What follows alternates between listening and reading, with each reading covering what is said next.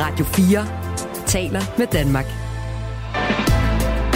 Velkommen til missionen med Amalie Bremer og Tony Scott.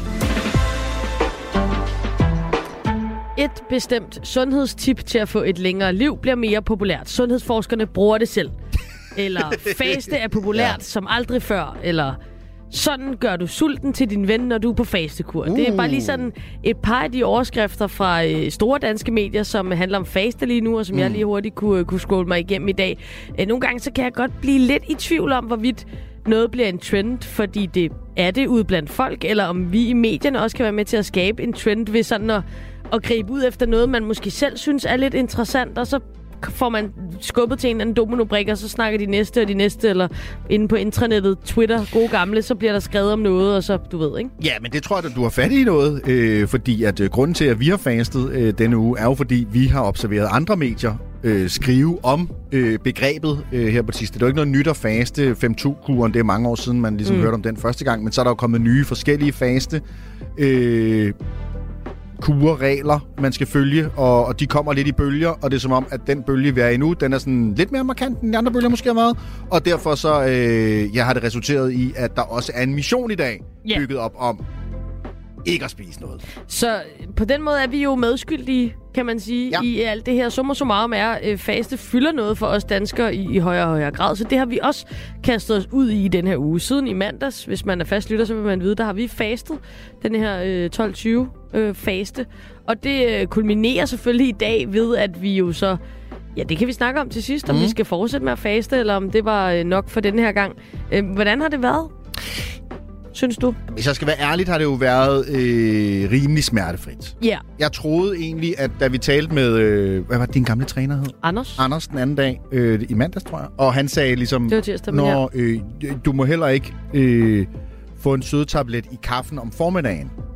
Ej, der tiltede du rimelig Der, der blev jeg lidt irriteret. Øh, ikke specifikt på Anders, men du ved, der tænker jeg, og det kommer til at gå ondt, men faktisk har det også været rimelig nemt at vente med at drikke kaffe, mm. øh, fordi jeg har ikke lyst til at drikke kaffe uden øh, mælk eller øh, søde eller andet. Øh, så, så det skal man også vente til klokken 12 i det her tilfælde. Og jeg må indrømme, ja, det har ikke, det har jo ikke gjort rigtig nas. Jeg har godt tænkt mig at prøve noget, at vi havde prøvet noget, Malie, der havde gjort lidt mere ondt, faktisk. Ja, altså man kan jo sige, at vi startede med, med en, bløde, lidt, en, en, en, en spiselig, ja, ja. Uh, no pun intended, uh, faste. Og, øh, og, og jeg tror også, man kan sige, at vi har gjort det i fire dage. Man kan også blive ved, og så må man se, ja, ja. hvordan det går. Men, det, men du har selvfølgelig ret. Det vi de facto har gjort, det er at springe vores mormad over. Ja. Og det tror jeg, der er rigtig, rigtig mange mennesker. Ja, og aftensnakken, det er, der, det er der rigtig mange mennesker, der gør hver eneste dag. Så det er også, det er også noget med, tror jeg, det også skal handle om i dag. Det, det vil jeg i hvert fald øh, prøve at finde ud af det her med, så kalder man det lige pludselig en faste. Altså det der med ja. at springe mormad over, og så er det en helt mm. kur og en diæt, der bliver sat ned i en eller anden ramme, og så skal man tabe sig, eller så skal man opnå et eller andet, eller hvad man nu gerne vil. Øhm, så det der med øh, vores Det har mere det mentalt, ikke? Altså mentalt jo. i, at så skulle klokken blive 12, fordi normalt spiser vi jo frokost ved 11.30-12-tiden. Vi har ikke sådan et, du ved, nu er der frokost, men så har vi nu skulle vente til klokken 12. Det har mm. været sådan en, så har det ligesom været en ting, og så har man kunne mærke det på en anden måde. Synes jeg faktisk. Ja, Ja, yeah. det kan godt være. Så må man ikke spise noget efter klokken 8. Uh, så har jeg bare lyst til en vindrue. ja. Nej. Jamen, jeg, jeg er optaget af øh, den her diætkultur, som, øh, som jeg synes, der præger vores samfund. Og, og, og skal vi alle sammen hele tiden øh, spise noget særligt på særlige tidspunkter, eller skal vi egentlig bare spise, hvad fanden vi har lyst til, så længe vi føler os øh, sunde? Der er hele tiden en ny diæt, en ny kur, en ny kosttrend, som fylder, og... Øh, Ja, det skulle nok være sundt. Jeg ved ikke, om det virker særlig øh, sundt på mig. Det dykker vi ned i i dagens udgave af missionen, hvor øh, ja, missionen er, som den jo også har været hele ugen på en eller anden måde, vi faster. Og øh, der er selvfølgelig fuldstændig åben på sms'en. Du kan skrive til os og være med, vi vil gerne høre. Hvis øh, du har prøvet at faste eller en anden form for kur, øh, hvor du kun måtte spise en eller anden særlig ting, eller på særlige måder, et eller andet, Øhm, hvad er dine erfaringer? Hvordan var det? Øh, hvad fik du ud af det, hvis noget? Så skriv til os på øh, sms'en ind til os. Den hedder er på 1424. Radio 4 taler med Danmark. Rapporter Rasmus har øh, fri i dag. Øh, ja. Det er den, den dårlige nyhed. Den gode nyhed er, at rapporter Joachim træder til, mm. samler depression op og øh, løber der ud af øh, i dag som rapporter Joachim. Øh, men så alligevel er stationær, som jeg forstår lige nu i hvert fald Joachim, i øh, Skanseparken. Og hvad laver du der? Ja, jamen jeg sidder egentlig øh, bare og, og nyder solen lidt og holder chancen i skansen. Altså det er, Uh, det, det er virkelig øh, dejligt. Jeg, jeg er jo kommet, altså øh, øh, hej igen, øh, Amalie og Tony, godt at være tilbage. Og sådan Hej, noget. hej, det, er jo- hej. Det er jo y- y- y-stilling, øh, reporter Joachim. Det, Mm. mm. det er så fedt. Øhm, jamen I siger jo, jeg kom jo ind og så sagde I, at I har fastet hele ugen, og så tænkte jeg, øh, hold da op, det lyder kedeligt for jer. Altså, det lyder ikke særlig fedt, og, og jeg håber, I øh, har kunne overleve. I lyder til at, at, at have overlevet, så, så det er Mm. meget godt.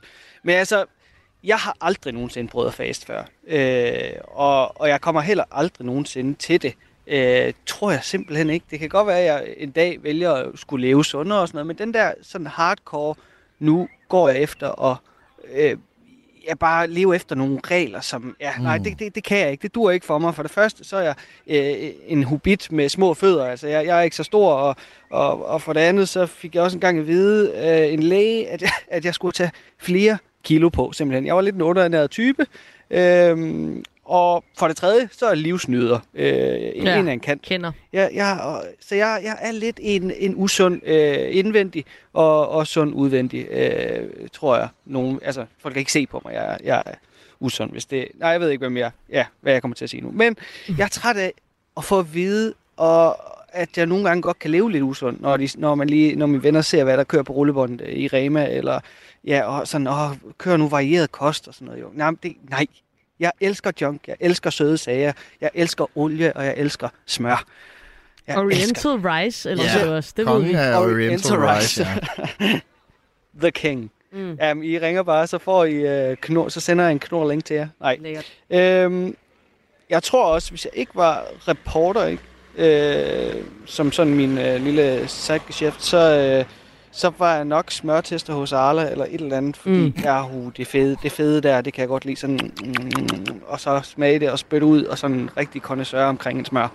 Øhm, ja, nej, det jeg prøver at sige, det er bare, min mission i dag, det er, at jeg skal treat myself og andre. Jeg skal virkelig øh, bare fede mig selv op. Prøve at se, om jeg kan tage lidt, øh, lidt fedt på sidebenene, og ja, bare nyde livet. Jeg har lige været nede i, på McDonald's, faktisk. Nå, Øh, købt 15.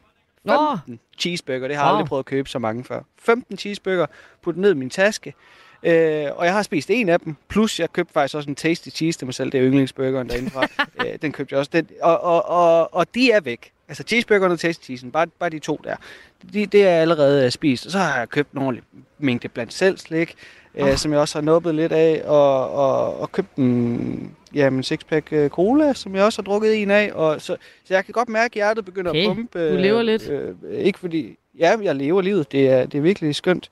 Så tænker jeg også, at jeg, prøver, skal, jeg skal prøve at dele lidt ud, fordi jeg får, jeg får ikke spist 15 cheeseburger på to timer. Jeg, jeg deler lidt ud, og så tror jeg måske godt, jeg kan finde plads til en lille slice med noget Thousand Island dressing, en pizza slice et eller andet sted her i nærheden, og jamen, så skal Ej, jeg, jeg bare se, en hvornår, hvornår salat, kroppen revner. Du kan da bare Ja, spise en slice men med altså, Thousand hvor- Island, hvis du har lyst. Jo, men nu var vi jo på Fordi faste, så spiser man lidt sundere, som du også siger. Mm. Ikke engang dressing var der Jeg hørte på. ikke, hvad I sagde. Men altså, nå. I hvert fald, så, øh, så tænker jeg bare at øh, se, hvornår jeg, jeg falder om. Øh, I jeg skal nok øh, pinpointe min lokation, øh, hvis jeg nu, øh, hvis blodtrykket stiger for meget Ja. og, og sådan noget. Øh, ja, så I har kørt sundhedshysteri i København. Jeg kører hjertekarsygdomme, øh, smør, olie, intravenøst, kanøler øh, hele dagen. Øh, og så ser vi ligesom den kontrast, om den andet her i Jylland. Det kunne egentlig også være, at jeg skulle have en bøf sandwich. Åh, det er lækkert. Åh, oh, Ja, det er lækkert. sovs. Især med ristet løg, det vil Tony Ja. også gerne have. Øh. Mm, ristet løg ovenpå. Mm. Mm. Åh, oh, ristet løg. Dem er der faktisk sindssygt mange kalorier i. Øh, jeg læste også lige... Øh, jamen, jeg skal bare have indtil en masse kalorier i dag. 300 kalorier, kan man sige det, er der en cheeseburger. Ja, Det er jo gange med 15. Hvad er det? Hjælp hold mig. da op. Øh, det er rigtig meget. Ja. Ja, det er 5.000 kalorier eller et eller andet. Det er voldsomt. Det er meget Huh. voldsomt. Ja, det, bl- det, bliver, det bliver rigtig voldsomt. Jamen, Men, hvad øhm, siger I til det? Kan I lide det? Er det, er det ikke en fed plan? Jeg synes, det, det, I det misundelige? lyder vildt skønt. Altså, øh, igen, hvis, hvis min fane i det her program er, at jeg synes, at man skal øh, gøre, hvad man har lyst til, så længe man føler sig godt tilpas, Ja. så øh, tænker jeg jo, you do you, altså. Ja, øh, men- men... jeg er også lidt bekymret for dig, Joachim. ja, det vil jeg også sige. Det, må ikke, det er godt, du er bare på i dag. At det ikke er sådan en daglig ting. Så tror jeg ikke, det vil Ja. være godt, nej. Ja. Som radiokonceptprogram. Altså sådan en, der skal fede sig op hver dag. Super Mm. Size Me. Og det kører jeg bare lige en dag. Ja. Så det er meget godt. Tak for bekymringen. Jeg bekymrer mig også om jer og jeres øh, sådan glæde og lykke i forhold til at ikke at, at få det, man bare har lyst til. Godt, jamen øhm, tak Nej, Joachim. men, øhm, Vi... Nej, fortsæt endelig. Jamen, jeg vil egentlig bare sige tak til dig, Amalie. Så jeg vil sige det samme som dig. Selv tak. Det, det er os, der takker. Øh, vi skal ud til øh, Joachim senere igen i programmet og høre, hvordan det går med øh, den hæftige ja, Mm. så diæt, som han har gang i i dag. Du lytter til missionen på Radio 4. Vi har så fastet hele ugen, og hvad gør det egentlig ved os, det her med at faste? Vi har brug for at tale med nogle kloge hoveder, som er dykket ned i fastens effekter lige nu, og, og en af dem kan vi skrue op for med det samme, og det er dig, Morten. Velkommen til. Goddag. Skyby Knudsen er efternavnet. Du er læge og forsker på Center for Sund Aldring på Københavns Universitet. Og Morten, er du selv en faster? Ja, det er jeg faktisk. Jeg, øh, jeg plejer at springe morgenmaden over, og så øh, drikke sort kaffe i stedet for. Og er, er, det et, er det ikke sådan et, det er ikke sådan en travlhedsting, du ved, at man skal nå så meget om morgenen, og man vil også gerne ligge, ligge lidt, lidt ekstra og, og være effektiv. Det er sådan et bevidst fastegreb. Altså, det, det er et ret bevidst fastegreb. Ja, okay. Altså, det Mm. viser, at, at de her perioder med faste jo faktisk er, er rigtig sunde, ser det ud til. Og, og, og fortæl os lige øh, til at starte med, øh, altså nu, nu øh, ja, faste, det er, jo, det er jo blevet sådan en trend inden for, for diæt eller kur, eller hvad man nu end vil kalde det, øh, way of life. Øh, hvor meget ved man egentlig om, hvad faste gør ved os? Altså, man ved efterhånden ret meget om sådan den, den kortsigtede effekt af faste. Mm. øhm, altså inden for måske måneder. Øhm, og der, øh, der ser det ud til, at, at faste øh, giver nogle ret sådan, positive effekter på vores sundhed. For eksempel så øh, taber man sig typisk, når man faster. Øhm, og øh, det kan forbedre ens blodsukker, Mm og måske reducere risikoen for, for visse sygdomme. Og, og, øhm, og lidt senere, øh, Morten, øh, i snakken her med dig, der, der skal vi jo ind på os i forhold til, til aldring og så videre. Der, der er flere forskellige aspekter i det her, men nu er du også inde på det her med, at man, man typisk vil tabe sig. Altså, jeg tror, at de fleste mennesker øh, måske griber fat i fasten som værktøj, og også kigger på den ret simpelt. Altså, man spiser mindre, det betyder et, et, et mindre kalorieindtag, og så taber man sig. Er det den rigtige måde at se på fasten på, eller er den i virkeligheden primært noget andet? Altså, det, det er nok en del af det, men Ja. det er helt sikkert ikke det eneste. Altså, vi ved, øh, som, som du nævnte, så, så studerer jeg øh, faste, min, min gruppe forsker i, øh, eller aldring er min gruppe forsker mm. i, i, i, øh, i, i aldring. Og det ved vi, at, at hvis man for eksempel får mus til at faste, øh, og giver dem samme kalorier, så de taber sig ikke, men hvis de faster, så lever de faktisk længere. Ikke på grund af vægttab, men, men simpelthen på grund af den her fasteperiode, som vi har. Og hvad, hvad, Hvad skyldes det? Ja, hvad, hvad, hvad foregår der der? Jamen, der, der, der sker nok rigtig mange forskellige ting. Altså, nogle af de ting, der sker, når man faster, det er, at vores blodsukker falder. Og når blodsukkeret falder, så sker der nogle... øh, Det, det opfanger vores celler, ligesom. Og så tror vores celler, øh, at, at der ligesom er, er sådan en alarmsituation i gang, Mm. og, og så optimerer cellerne sig selv. Så det vil sige, at de begynder for eksempel at smide gammel proteinskrald ud, og lave nyt, mere effektivt protein. Øh, der sker også det, at, at vores celler deler sig langsommere. Så det har vist sig for eksempel i forhold til kraftceller, som deler sig utrolig meget, at hvis man faster, så, så kan det have kan det muligvis have en gavnlig effekt på udvikling af kræft. Mm. Øh, så, der, så der sker faktisk rigtig mange forskellige ting, når man faster. Og der er også noget med, øh, Morten, øh, har jeg læst i, i en artikel, som, øh, som du også medvirker i, og, og, og det er lidt sjovt, fordi vi havde noget med at træne sin hukommelse i går. Øh, der læser jeg, at faste også kan forbedre hukommelsen. Altså det der er i hvert fald noget data, der indikerer, og, og det kan måske også have, have noget at gøre med det her, øh, det her øh, reduktion i blodsukker. Altså hvis man Ja. har for højt blodsukker, så, så har man øget risiko for for eksempel at udvikle demenssygdomme. Mm. Og måske er sådan et, et fald i blodsukker kan gøre, at, at, at man ligesom bliver mere... Øh, opmærksom på, at man skal have noget at spise, så det kan ligesom få, få ligesom alarmklokkerne til at ringe også inde i vores, øh, vores, vores små celler i hjernen. Og, og det kan godt måske have noget at gøre med, øh, at det kan påvirke øh, hjernen i en gavnlig retning. Øhm, findes der en type mennesker, eller nogen, der, der, der, der ligesom er på en særlig måde, eller et eller andet, som, som man særligt vil, vil anbefale at faste, eller er det i virkeligheden alle, der vil kunne have, have godt af det? Øhm, altså, det er et godt spørgsmål. Det, det ved vi faktisk ikke øh, helt præcis endnu. Mm. Der er jo nogen, der har en tendens til at, at tage mere på end andre, og der er nogen, der har en, en lav risiko for at udvikle sukkersyge, for eksempel. Og der vil det formentlig være mere gavnligt for dem at faste. Øh, men, men vi, vi ved det øh, ikke mm. endnu. Når, når, når vi snakker om faste her, altså, så, så måske også meget godt lige at få på plads, om vi overhovedet har det samme begreb om faste. Altså, fordi nu har vi lavet den her 12-20-faste. Mm. Og, og der tror jeg, vi er sådan lidt, nu har vi også kun været i gang i, i fire dage, Morten, så vi er jo, vi er jo, altså, vi er jo nogle amatører på det her punkt. Men er det overhovedet en, i går så en hård nok faste til, at man ligesom vil kunne se nogle resultater på, på det her, du siger, ikke kun vægttab, men, men også de andre ting? Altså, det, det er nok noget, man skal man skal gøre i længere tid, ikke? Ja. Øhm, altså, den, den type fase, som, som jeg ligesom praktiserer, og som vi har testet i mennesker, øh, det er en fase, hvor man holder op med at spise kl. 8 om aftenen, og så faster man ind til kl. 12 næste dag, så det vil sige, at det er springe morgenmaden over. Ja. Og det er en relativt mild fase, ikke? så man faster i 16 timer i døgnet.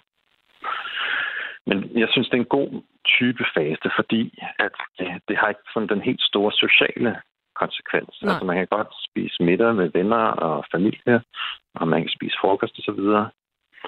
Øhm, og så det er derfor, det er nemt at implementere faktisk. Mm. Ja, og det, det, det tror jeg er vigtigt, når, man, øh, når, vi, når vi snakker faster. Hvis det er noget, som, som man gerne vil have folk til at gøre, så skal det også være nemt. Øhm, jeg tror, længerevarende faster, altså hvor man faster i flere dage, mm har nok en større effekt øh, på måske på kraft, for eksempel. Ikke? Mm. Fordi ens blodsukker virkelig dykker, og kraftceller er meget afhængige af, af blodsukker. Øhm, men det, det er jo svært at gøre, kan man sige, svært at gøre gentagende gange og yeah. gøre i længere tid. Så, så, så derfor, derfor øh, er jeg en stærk fortaler for denne her 16 timers faste. Der er øh, en, der hedder Sara, som skriver til os på sms'en på 1424, som spørger, er, er en fastedag om ugen godt, altså hvor man blot drikker vand, så man ligesom har det helt normalt resten af ugen, og så har man bare en dag, hvor man overhovedet ikke spiser noget og drikker vand. Er, er sådan nogle former for peak faste få dage øh, en, en god metode? Altså det tror jeg også er sundt. Øhm, man kan sige, at en dag om ugen er, er jo er bedre end ingen dag om ugen, tror jeg. Ikke? Okay. Øhm, og jeg tror, det, det er vigtigt ligesom at have perioder, hvor man, hvor man slet ikke indtager kalorier. Ikke? Og, mm. Altså som, som, som organisme er vi jo heller ikke bygget til at skulle spise tre gange om dagen formentlig. Ikke? Øhm, så, så, øhm, så jeg tror, at, at den her, altså have en faste dag om ugen, tror jeg er en, er en god idé, men det kan også være udfordrende, ikke? hvis man øh, hvis man har børn eller har... Det er klart. Øh, og så videre, så, så, så vil man jo gerne spise aftensmad med dem typisk. Øh, så derfor er det, øh, er det nok øh, nemmere, den her 16-8, men, men en dag om ugen vil jeg helt klart anbefale mere end ingen dag om ugen. Så generelt vil du øh, anbefale faste i en eller anden form til de fleste mennesker? Altså, det tror jeg, ja. Det, øh, det har vi i hvert fald øh, øh, data på fra, øh, fra forskellige forsøg. Der, der er en ting, som, er, som man skal være opmærksom på. Hvis man er undervægtig, så er det nok ikke en god idé. Øhm, og hvis man er ældre og, og faster, så er det en god idé at, øh, at dyrke noget styrketræning ved siden af. Mm. Fordi en af de ting, der sker, når man faster, det er, at man også begynder ganske langsomt at, at nedbryde sine muskler og sine knogler. Og det kan, være, det kan selvfølgelig være et problem, hvis, hvis man er ældre. Hvor... Så, så derfor skal man helst have et eller andet, der kan bygge det op igen. Mm. Morten, hvad har du fået ud af din fast? Altså, hvad, hvordan øh, påvirker det dig? Øh, det, er- det er et godt spørgsmål. Jeg, jeg, jeg, jeg faster jo, fordi vi har, har data, der, der øh, Ja, ja. måske kan indikere, at det påvirker aldring. Ikke? Det er jo Mm. noget, man, øh, som, som, hvor man ser effekten måske efter mange år. Så du ligner Øhm, en på så- 12. er det det? Jeg, jeg ligner en på 12. det ved jeg ikke. Men, øh, men, men jeg, jeg, jeg vil sige, at jeg føler mig skarpere, når jeg faster, end når jeg ikke faster. Hvis jeg Mm. spiser morgenmad, så føler jeg mig lidt sløv, og øh, vil hellere ligge på sofaen. Hvis jeg faster, så, øh, så føler jeg mig ikke så sløv. Så jeg, jeg, føler, jeg føler mig skarpere, når jeg, når jeg springer morgenmad over. Tak for at øh, give os ja, både dit øh, eget perspektiv, men også øh, de perspektiver, som er kommet ud af din øh, forskning, Morten Skyby Knudsen. Tak for det. Det var slet. Læge og forsker på Center for Sund Aldring på Københavns Universitet. Hvad er sjovt, og hvad gør en god joke? Man kan sgu da ikke vælte over en sutsko. Men der er sådan, jo, det kan man godt. Det undersøger Torben Sangil og Anders Fjelsted, når de sammen med ugens gæst diskuterer håndværket bag comedy. For eksempel det der med det grove stof på den sofa der. Det var, altså, det var fandme rigtigt. Det var sådan en sofa, hvis man lige kom til at glide i den, så blev man lige varm. Sådan. Kokostæppe. Ja, lige nøjagtigt så lidt af. Lyt til Comedy-kontoret hver fredag kl. 13.05. Radio 4 taler med Danmark.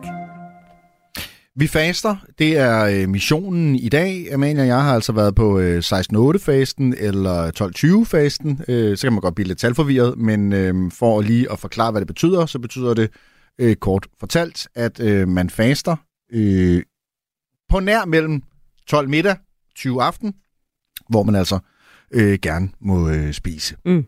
Men er det en, øh, en god idé? Jamen altså, nu fik vi lige... Øh, en, øh, en mening om, om det. Øh, Morten, som jo selvfølgelig også i den grad havde øh, belæg for at udtale sig, men nu hopper vi videre til en anden Morten, øh, som også gør sig som, øh, kan man sige, kommentator i det overmættede øh, sundhedsmedielandskab, nemlig dig, Morten Elsø. Velkommen til. Tak skal du have. Ernæringsekspert. Øh, ja, Morten, hvordan har du det med de her øh, fastekurer, som er, som er frygtelig moderne? Øhm, jeg har det blandet med dem. Ja. Øhm, jeg er meget stor fortaler for, at øh, og, og, og tror også ret meget på, at folk er forskellige, og folk de trives med, med noget forskelligt, og med forskellige tilgang til kosten. Og herunder tror jeg, og jeg er slet ikke i tvivl om, at mange øh, faktisk trives med, øh, for eksempel ikke at spise morgenmad, eller i hvert fald udskyde den et godt stykke tid. Og at der også er nogle sundhedseffekter ved måske ikke at spise sent om aftenen, som kan mærkes med det samme, måske på søvnen, og også over længere sigt. Øhm, ambivalensen består i, at nogle gange så tales det mere op som noget måske universelt, og Mm. Jeg kan jo høre, når, når det er lige noget at høre af forskeren Morten øh, før også, øh, at der er forbehold i hans formidling. Han siger, at måske har det nogen effekt på alt Mm. mm. og så videre. Og det er ikke altid, de forbehold de kommer med ud, og så ved jeg som en, der har beskæftiget mig meget med, hvordan folk ligesom øh, forstår det, der formidles ud fra medierne, så bliver det, hver gang det kommer en kanal længere ud, så, så, så ryger der flere og flere forbehold, og så kan man godt komme til at opfatte det som et eller andet øh, mirakelmiddel, som gælder for alle, og dermed også noget, som man, man bør kaste sig over. Og, og ikke bare én ting, man bør kaste sig over, men nu en ny ting, man også bør kaste sig Ja, over, Mm. sammen ja. med alle de andre. Og, og, og så jeg kan høre på dig, øh, hvis jeg tolker rigtigt. Altså, du ved, at det her Amalie og jeg nu i fire dage har, har været på øh, 12-20-kuren. Det er ikke der, hvor du siger, vagt i det gevær, kan I så øh, begynde at spise omgående igen? Hvad, hvad har I egentlig gang i? Men alligevel, ikke. men alligevel øh, kan det godt gå hen og skabe nogle bekymringer. Hvem er det, der... For du siger, det er modefænomener, så vil alle jo være med, og, og, og, eller mange, øh, og, og det giver jo ikke altid mening for alle. Hvem er det, der, der ikke har godt af, en, af sådan en fastekur?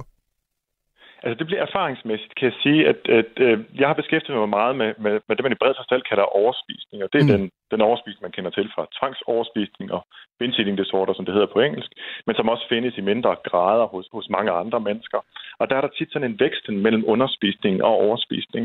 Altså man faktisk overspiser ret meget om eftermiddagen, om aftenen spiser sig overmæt, spiser alle mulige ting, som man synes er forbudte, fordi man faldt i om eftermiddagen. Og grunden ja. til, at man faldt i, det er faktisk, fordi man så om aftenen sidder og tænker, ej, nu faldt jeg i igen. I morgen, der spiser jeg sundt, så jeg springer morgenmaden og måske også frokosten over. Og så er det faktisk det, der fastholder ens cyklus. Og noget af det, som hjælper rigtig godt til folk, der har den cyklus, øh, det er faktisk en fast måltidsstruktur, hvor man har måske sådan tre hovedmåltider og to mellemmåltider. Men det med det forbehold, det det også forskelligt, hvad folk de trives med. Og det kan man også se i forskning. Der er faktisk lige kommet et stort review ud fra, fra med en række danske forskere, også fra Steno Diabetes Center i Herlev, der også undersøger, men, men hvor meget kan folk egentlig følge de her faste tilgange? Og her er det altså det her time-restricted eating, som I også beskriver her, altså hvor der er tidsbegrænset Mm. adgang til mad på en eller anden måde. Og det er meget forskelligt, og der kan man se, at der er nogle mennesker, for hvem det er relativt nemt, og så er der andre mennesker, for hvem det er relativt svært, og et tilpas svært til det næsten er umuligt. Så hvis man går og, og, og stresser over, eller hele tiden falder i, når man kører en 12-20-fasten, så er det ikke fordi, man er et, et, et, et, et dårligt menneske, skulle jeg til at sige, eller noget af det. Så er det bare fordi, så er det bare fordi, det er ikke lige kuren for en, simpelthen. Præcis, det kan man sige. Og så er der jo nemlig dem, der, der bare øh, oplever måske næsten sådan frigørelse. Gud, behøver jeg ikke spise morgenmad? Mm. Hvilket før fastekur var noget, der var mere sådan populært og trendy, som det er nu. var en ting, som jeg også har, har, har, har formidlet mange gange. Jamen, altså, for mennesker, der egentlig ikke er sultne om morgenen, giver det ikke nødvendigvis mening at spise morgenmad, for der har jo tidligere været næsten modsatrettet påstand, Ja. at morgenmad er helt essentielt. Du skal spise morgenmad. Og man, der forskning har faktisk også har vist, at hvis du tvinger folk, så at sige, i forskningssammenhæng til at spise morgenmad, folk som egentlig ikke vanligt er morgenmadspisere, så spiser de flere kalorier og tager faktisk på. Så det her råd om, at man skal spise morgenmad, det er unuanceret, Det er vi jo eller man ud over med. andre alle. Jeg har jo Ja, pisket det ind. Altså, det det er dagens alle. vigtigste måltid, har jeg altid fået. Altså, det har vi jo fået. Hvornår holdt det op med at være det? Jamen, ja, det, det kan jeg ikke svare dig på, men jeg kan sige, at det, det er nok blevet skubbet noget til side netop af det her fokus på, på fasten. Så jeg tror måske, det er i løbet af det sidste års tid eller to, at, okay. at det er noget, som fylder i hvert fald markant mindre i debatten, øh, eller som påstande folk, de, de, øh, de øh, tager for gode varer efterhånden. Morten, jeg er øh, en øh, af de danskere, som også har øh, i perioder af mit liv varet for meget, og også alt for meget. Og så øh, har jeg været i forskellige former for forløb, og nogle gange så har jeg fået at vide, man skal spise øh, helt vildt meget små måltider hele dagen, mm. bare spis, spis, spis, spis, og hold din forbrænding i gang. Ja. Og så andre, øh, selvfølgelig sunde ting, altså knækbrød, eller hvad nu end kunne være. Og så andre perioder, så har jeg fået at vide, åh, oh, der skal fastes, øh, du skal ikke spise, øh, øh, springe måltider over, og så videre. Altså, hvordan i alverden skal man som almindeligt menneske, uden en, øh, ja, en, en uddannelse i ernæring øh, som dig, øh, navigere i alt det her? Jamen, øh, det, det er svært at svare på, fordi det er jo med at sige, det er, det er rigtig, rigtig svært. Øhm, og man kan sige, at der er jo selvfølgelig en masse mennesker, der får gavn af forskellige sundhedstips, men ofte er de så forskelligartede og endda nærmest modsatrettet og gensidigt udelukkende, Ja. at det skaber en meget, meget stor Mm. grad af forvirring. Og når man så netop ikke engang ved, hvem, hvad afgør egentlig, om en formidler er troværdig eller ej, ofte så kan vi komme til at, til, til at sidestille overbevisende med troværdig, men det er ofte to forskellige ting. Mm. Jeg vil igen nævne det, de forbehold, der ligger i forskeren, der var her før Mortens øh, formidling. Jamen, de forbehold, dem ser man ikke hos folk, øh, som, som, som er meget overbevisende ofte. Til gengæld er de så ikke nær så troværdige. Så, så det er enormt svært at skille skidt fra kanel, også fordi vi ofte får, netop som du lige fik nævnt her, vi får det, det jeg så vil kalde en pseudovidenskabelig forklaring Mm. på, hvorfor en måde, en måde at spise på skulle være god. Her var det at spise mange måltider for at holde gang i forbrændingen, som giver sådan en idé om, at der er et biologisk rationale. Ja. Selvom det så viser sig, at der er ikke noget med at holde gang i forbrændingen ved at spise. Den kører hele tiden. Den stopper først, når man dør. Så, så det er bare sådan en, et, et, for, en, en forklaring, der lyder videnskabelig, men som ikke har noget hold i videnskaben. Mm. Mm. Så jeg vil bare sige, at jeg kan godt forstå, at det er virkelig svært. Og det med forskning også viser, at jo mere modsatrettet information og påstand du får, jo mere forvirret bliver du, jo mere forvirret bliver du, jo mere handlingslammet bliver du også. I den forstand, at du så faktisk hele tiden tænker på ting, du burde gøre anderledes. Du tænker, jeg kunne også gøre det, jeg kunne også gøre det, jeg kunne også gøre det. Men udefra set ændrer din spiseadfærd sig faktisk ikke. Men er s- sandheden ikke, Morten, nu må du rette mig, men at, at, at hvis vi tager Amalie, så skulle hun vælge den kur, som hun har Nemmest ved. nemt ja. ved at overholde, og som gør hende også glad, og, men også giver lidt resultat. Men også det der med, at det kan overholdes. Det har altid været det vigtigste, og alle af, af dem, som jeg finder de som de dygtigste ernæringsfaglige formidler på sociale medier, det er nogen, som gang på gang pointerer, at der findes tusind måder at spise på, men hvis ikke du kan holde den i længden, så kommer den ikke til at give dig Mm. nogle varige resultater på nogle parametre overhovedet. Jeg vil måske lige veksle ordet, eller udskifte ordet kur med, med en måde at spise på. Jeg ved Mm. godt, det gør det lidt længere begreb, men fordi for mig at se, øh, og i mange menneskers opfattelse, så er en kur, den er netop tidsafgrænset. Ja. Og så vælger man noget, som man kun vil kunne Okay. holde et stykke tid, og håber på at få langvarige resultater. Det holder som, som oftest, Ja. eller aldrig. Ja, og så spiser man en kæmpe stor cheeseburger for enden af den kur. Øhm, Morten, nu, jeg kom bare til at tænke på, ja, nu er vi jo voksne også, der sidder og snakker her, men jeg har jo også mm. en datter. Hun skal vel spise morgenmad. Hun skal jo ikke faste, vel, eller hvad? Øh, som udgangspunkt, så giver det mening, at børn de også spiser, øh, har, har en god måltidsstruktur, hvor de får måltider fordelt over hele dagen. Der er tidspunkter i barndommen og måske i teenageårene, hvor det kan være svært, for, fordi barnet ikke er sulten på et eller andet givet tidspunkt. Men jeg vil sige ja til dit spørgsmål, først og fremmest. Men der er nuancer til det også. Og der er nogle øh, unge mennesker, især måske sådan før teenagealderen, hvor man ikke er nået at blive sulten og har lyst til mad, inden man skal i skole. Og det skaber så det problem, at hvis næste mulighed for at spise først er kl. 12, så, så, så, så dur det ikke, og så, så Mm. dur helten ikke, så at sige. Nej. Øhm, men der er, findes der også nogle mellemveje, hvor det, kan, hvor det kan være, at man har lyst til at mulighed for at spise klokken 9 i stedet for. Så har man egentlig det, man på engelsk vil kalde breakfast, altså at man bryder fasten på et relativt tidligt tidspunkt, men det er måske ikke, ikke 20 minutter efter, man har stået op. Og det tror jeg, mange kan ikke genkende til os, at sulten og lysten til mad, den er der altså ikke så tidligt. Og det er netop dem, som måske trives med at udskyde det en lille smule. Hvis man sidder der, nu startede du med at sige, at øh, du havde det meget lidt blandet med, med alle de her sådan, øh, faste øh, måder at spise på, som kører rundt i, i, øh, i, i tiden. Hvis man sidder derude og er nysgerrig på og overvejer at vil kaste sig ud i sådan noget med en, en faste oplevelse, hvad vil dit råd så være, Morten? Jeg vil, jeg vil altid råde folk til at starte med at overveje, hvad er årsagen til, at de vil Mm. gøre det? Er det fordi, det er en trend? Er det fordi, de håber på nogle bestemte øhm, resultater af det, som ikke nødvendigvis er der? Er det fordi, man er fanget i en eller anden idé om, at man skal spise på en bestemt måde? Det er ikke gode argumenter for det. Hvad der kan være gode argumenter for det, er, hvis det kan bidrage til trivsel, fokus, øh, pause fra madtanker og alt muligt andet. Så det er det første, man skal være bevidst om, det er, hvordan måler jeg rent faktisk, om det her det er en succes for mig, om det virker. Dernæst så se på det som et adfærdseksperiment. Mm. Du er i gang med at undersøge, om det her det er en måde, der fungerer for dig. Det vil sige, at du tester det. Tester og siger, hvad sker der, når jeg gør det på den her måde? Hvordan bliver jeg? Trives jeg med det her? Og hvad hvis jeg gør det et par dage? Ændrer det så, hvordan, det, hvordan jeg har det med det? Bliver jeg kort for hovedet? Bliver jeg træt? Bliver jeg uarbejdsdygtig? Mm. Og bliver det ved med at være sådan, så er det ikke noget for mig. Er det, er det, muligt, er det umuligt for mig at holde, og ender jeg alligevel med at falde i hver aften, så er det måske heller ikke noget for mig. Hvis det, hvis det omvendt giver en eller anden frihed fra tanker om planlægning af mad, og drikke øh, før, først på dagen og sidst på dagen. Og i øvrigt også gør, at man lige pludselig ikke længere går hele tiden og tænker over, hvad for nogle fødevarer man skal undgå for at passe på, passe på sin vægt, fordi at man holder den ved, at man har et mindre spisevindue. Så kan man jo mærke, om det rent faktisk øh, virker, og dermed er positivt for en.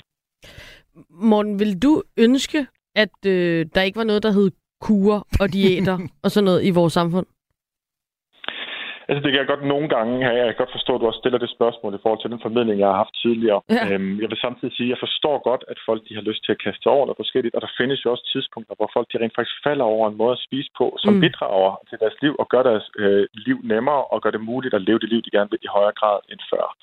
Men jeg vil samtidig sige, at jeg synes også, det er en, det er en endnu en stor kilde til ting, man skal tage stilling til og overveje. Og jeg ved, hvor meget livskvalitet det stjæler for så forfærdeligt mange mennesker Mm. at man hele tiden enten søger eller bliver præsenteret for nye kurer, idéer og måder at spise på, som gør, at man er oppe i sit hoved, konstant i gang og bliver drænet af det, uden nødvendigvis at ændre på særlig meget, og uden at være til stede i de situationer i livet, som rent faktisk giver det mening. Og det ærger mig selvfølgelig rigtig, rigtig meget.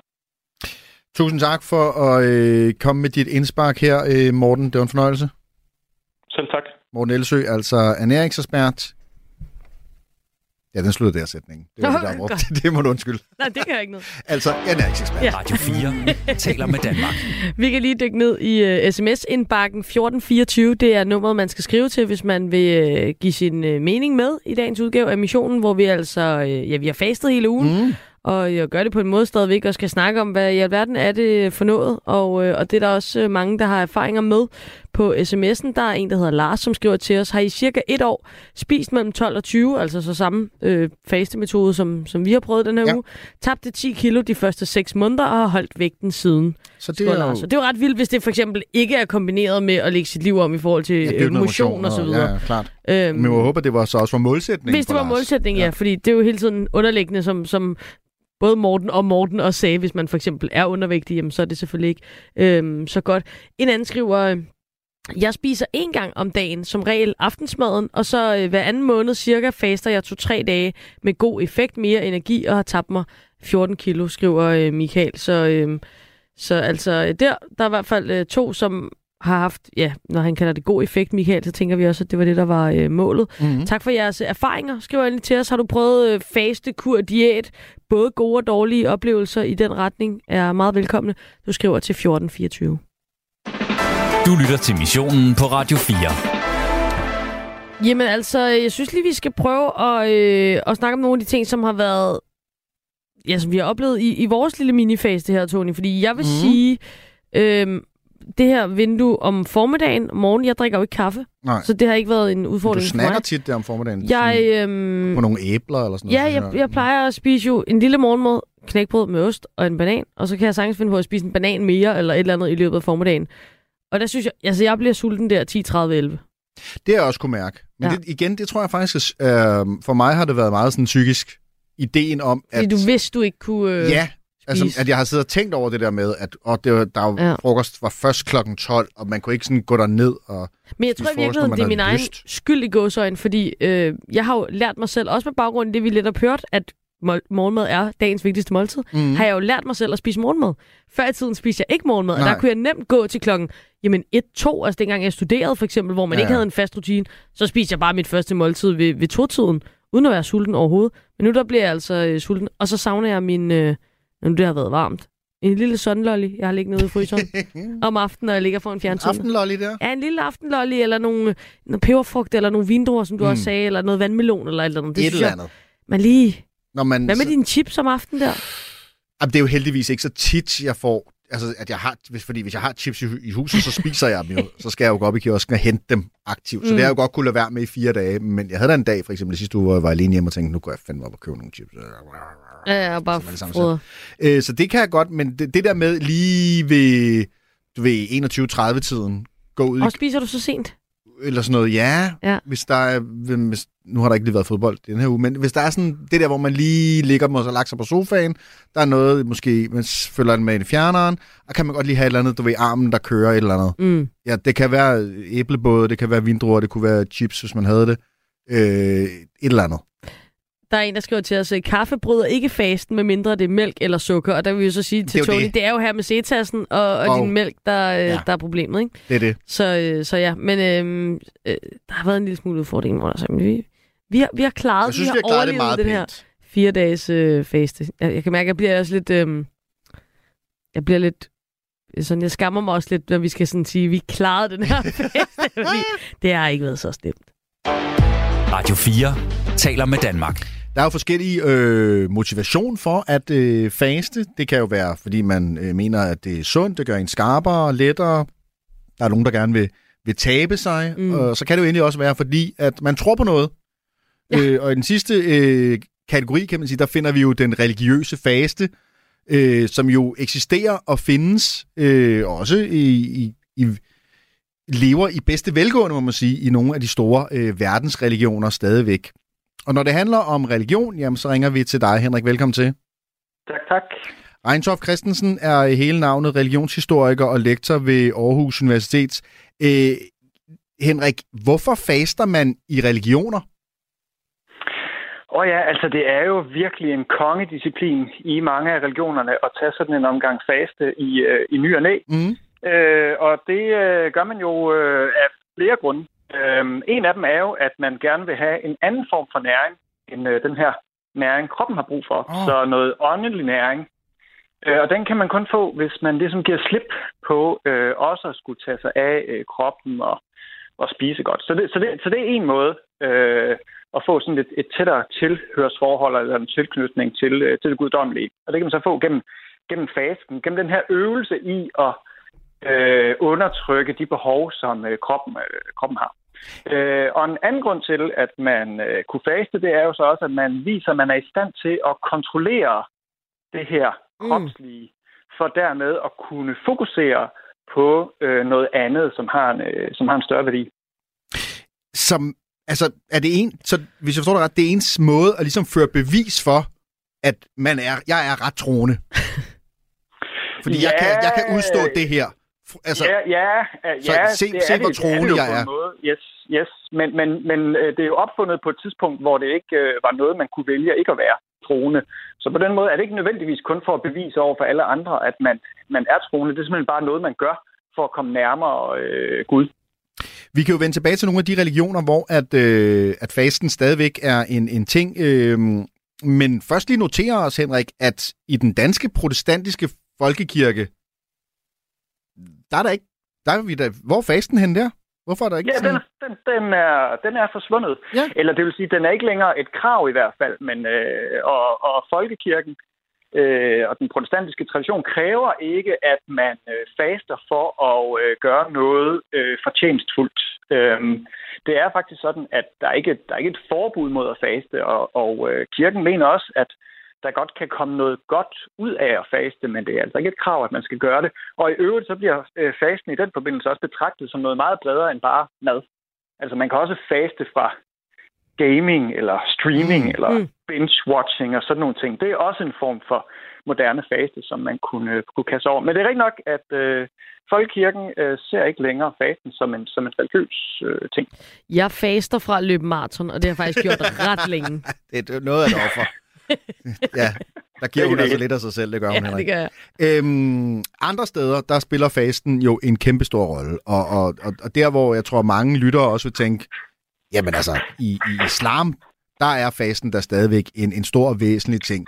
Øh, fordi der har de jo ramadanen. Hvordan kan det være så, at, at, at ramadanen er overlevet, kan man i bedste velgående, om man så må sige, og stadigvæk er så stor en ting i islam, når den, når den andre steder øh, er forsvundet? Ja, det, øh, det er det, fordi at øh, fasten i islam er en af det, man kalder islams øh, fem søjler. Så, så det, det er en, en vigtig og integreret del i islam. Og det er jo heller ikke sådan, at fasten er forsvundet i, i, øh, i kristendommen. Den mm. findes jo stadigvæk i, i andre varianter end lige den protestantiske, vi har, øh, og spiller en stor rolle i, i katolsk kristendom for eksempel. Så, så, så fasten findes stadigvæk i flere religioner. Øh, men den er selvfølgelig særlig kendt fra, øh, fra islam og fra hele den måned. Altså, fasten har simpelthen fået navn efter hele den måned, hvor fasten foregår, nemlig øh, ramadan.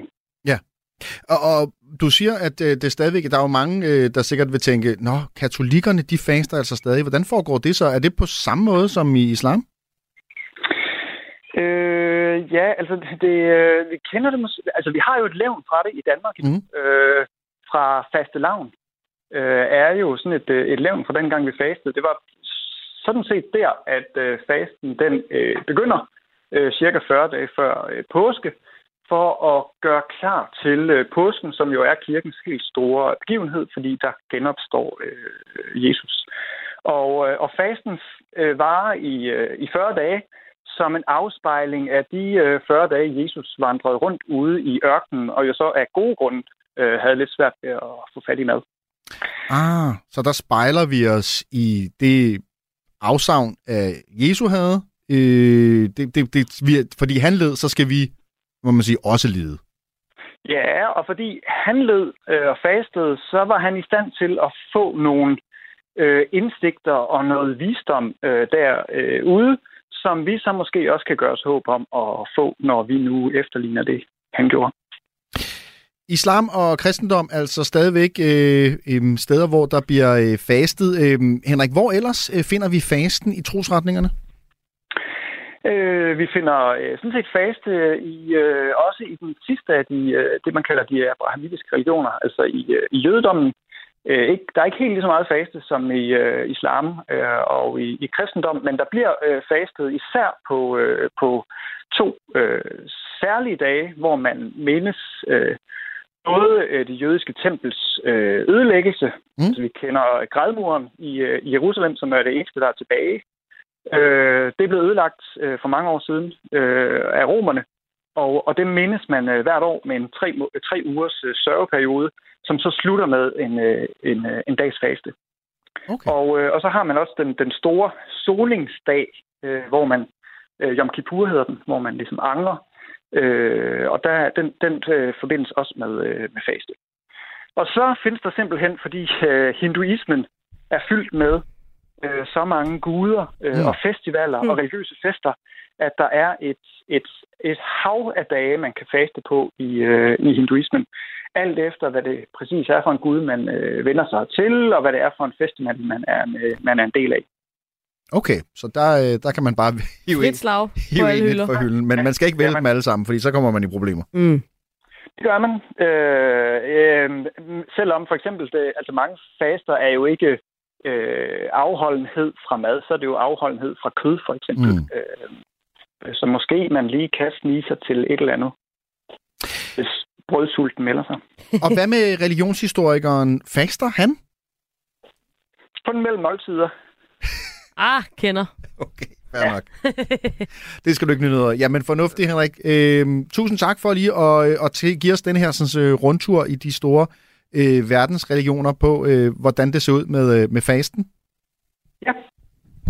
Henrik Reintoft Christensen, altså øh, religionshistoriker og også øh, lektor ved Aarhus Universitet. Og ja, det er, der er måske nogen, der, der er sikkert nogen, der aldrig har tænkt over, hvorfor det hedder fastelavn, men det er altså simpelthen mm. øh, på grund af fasten.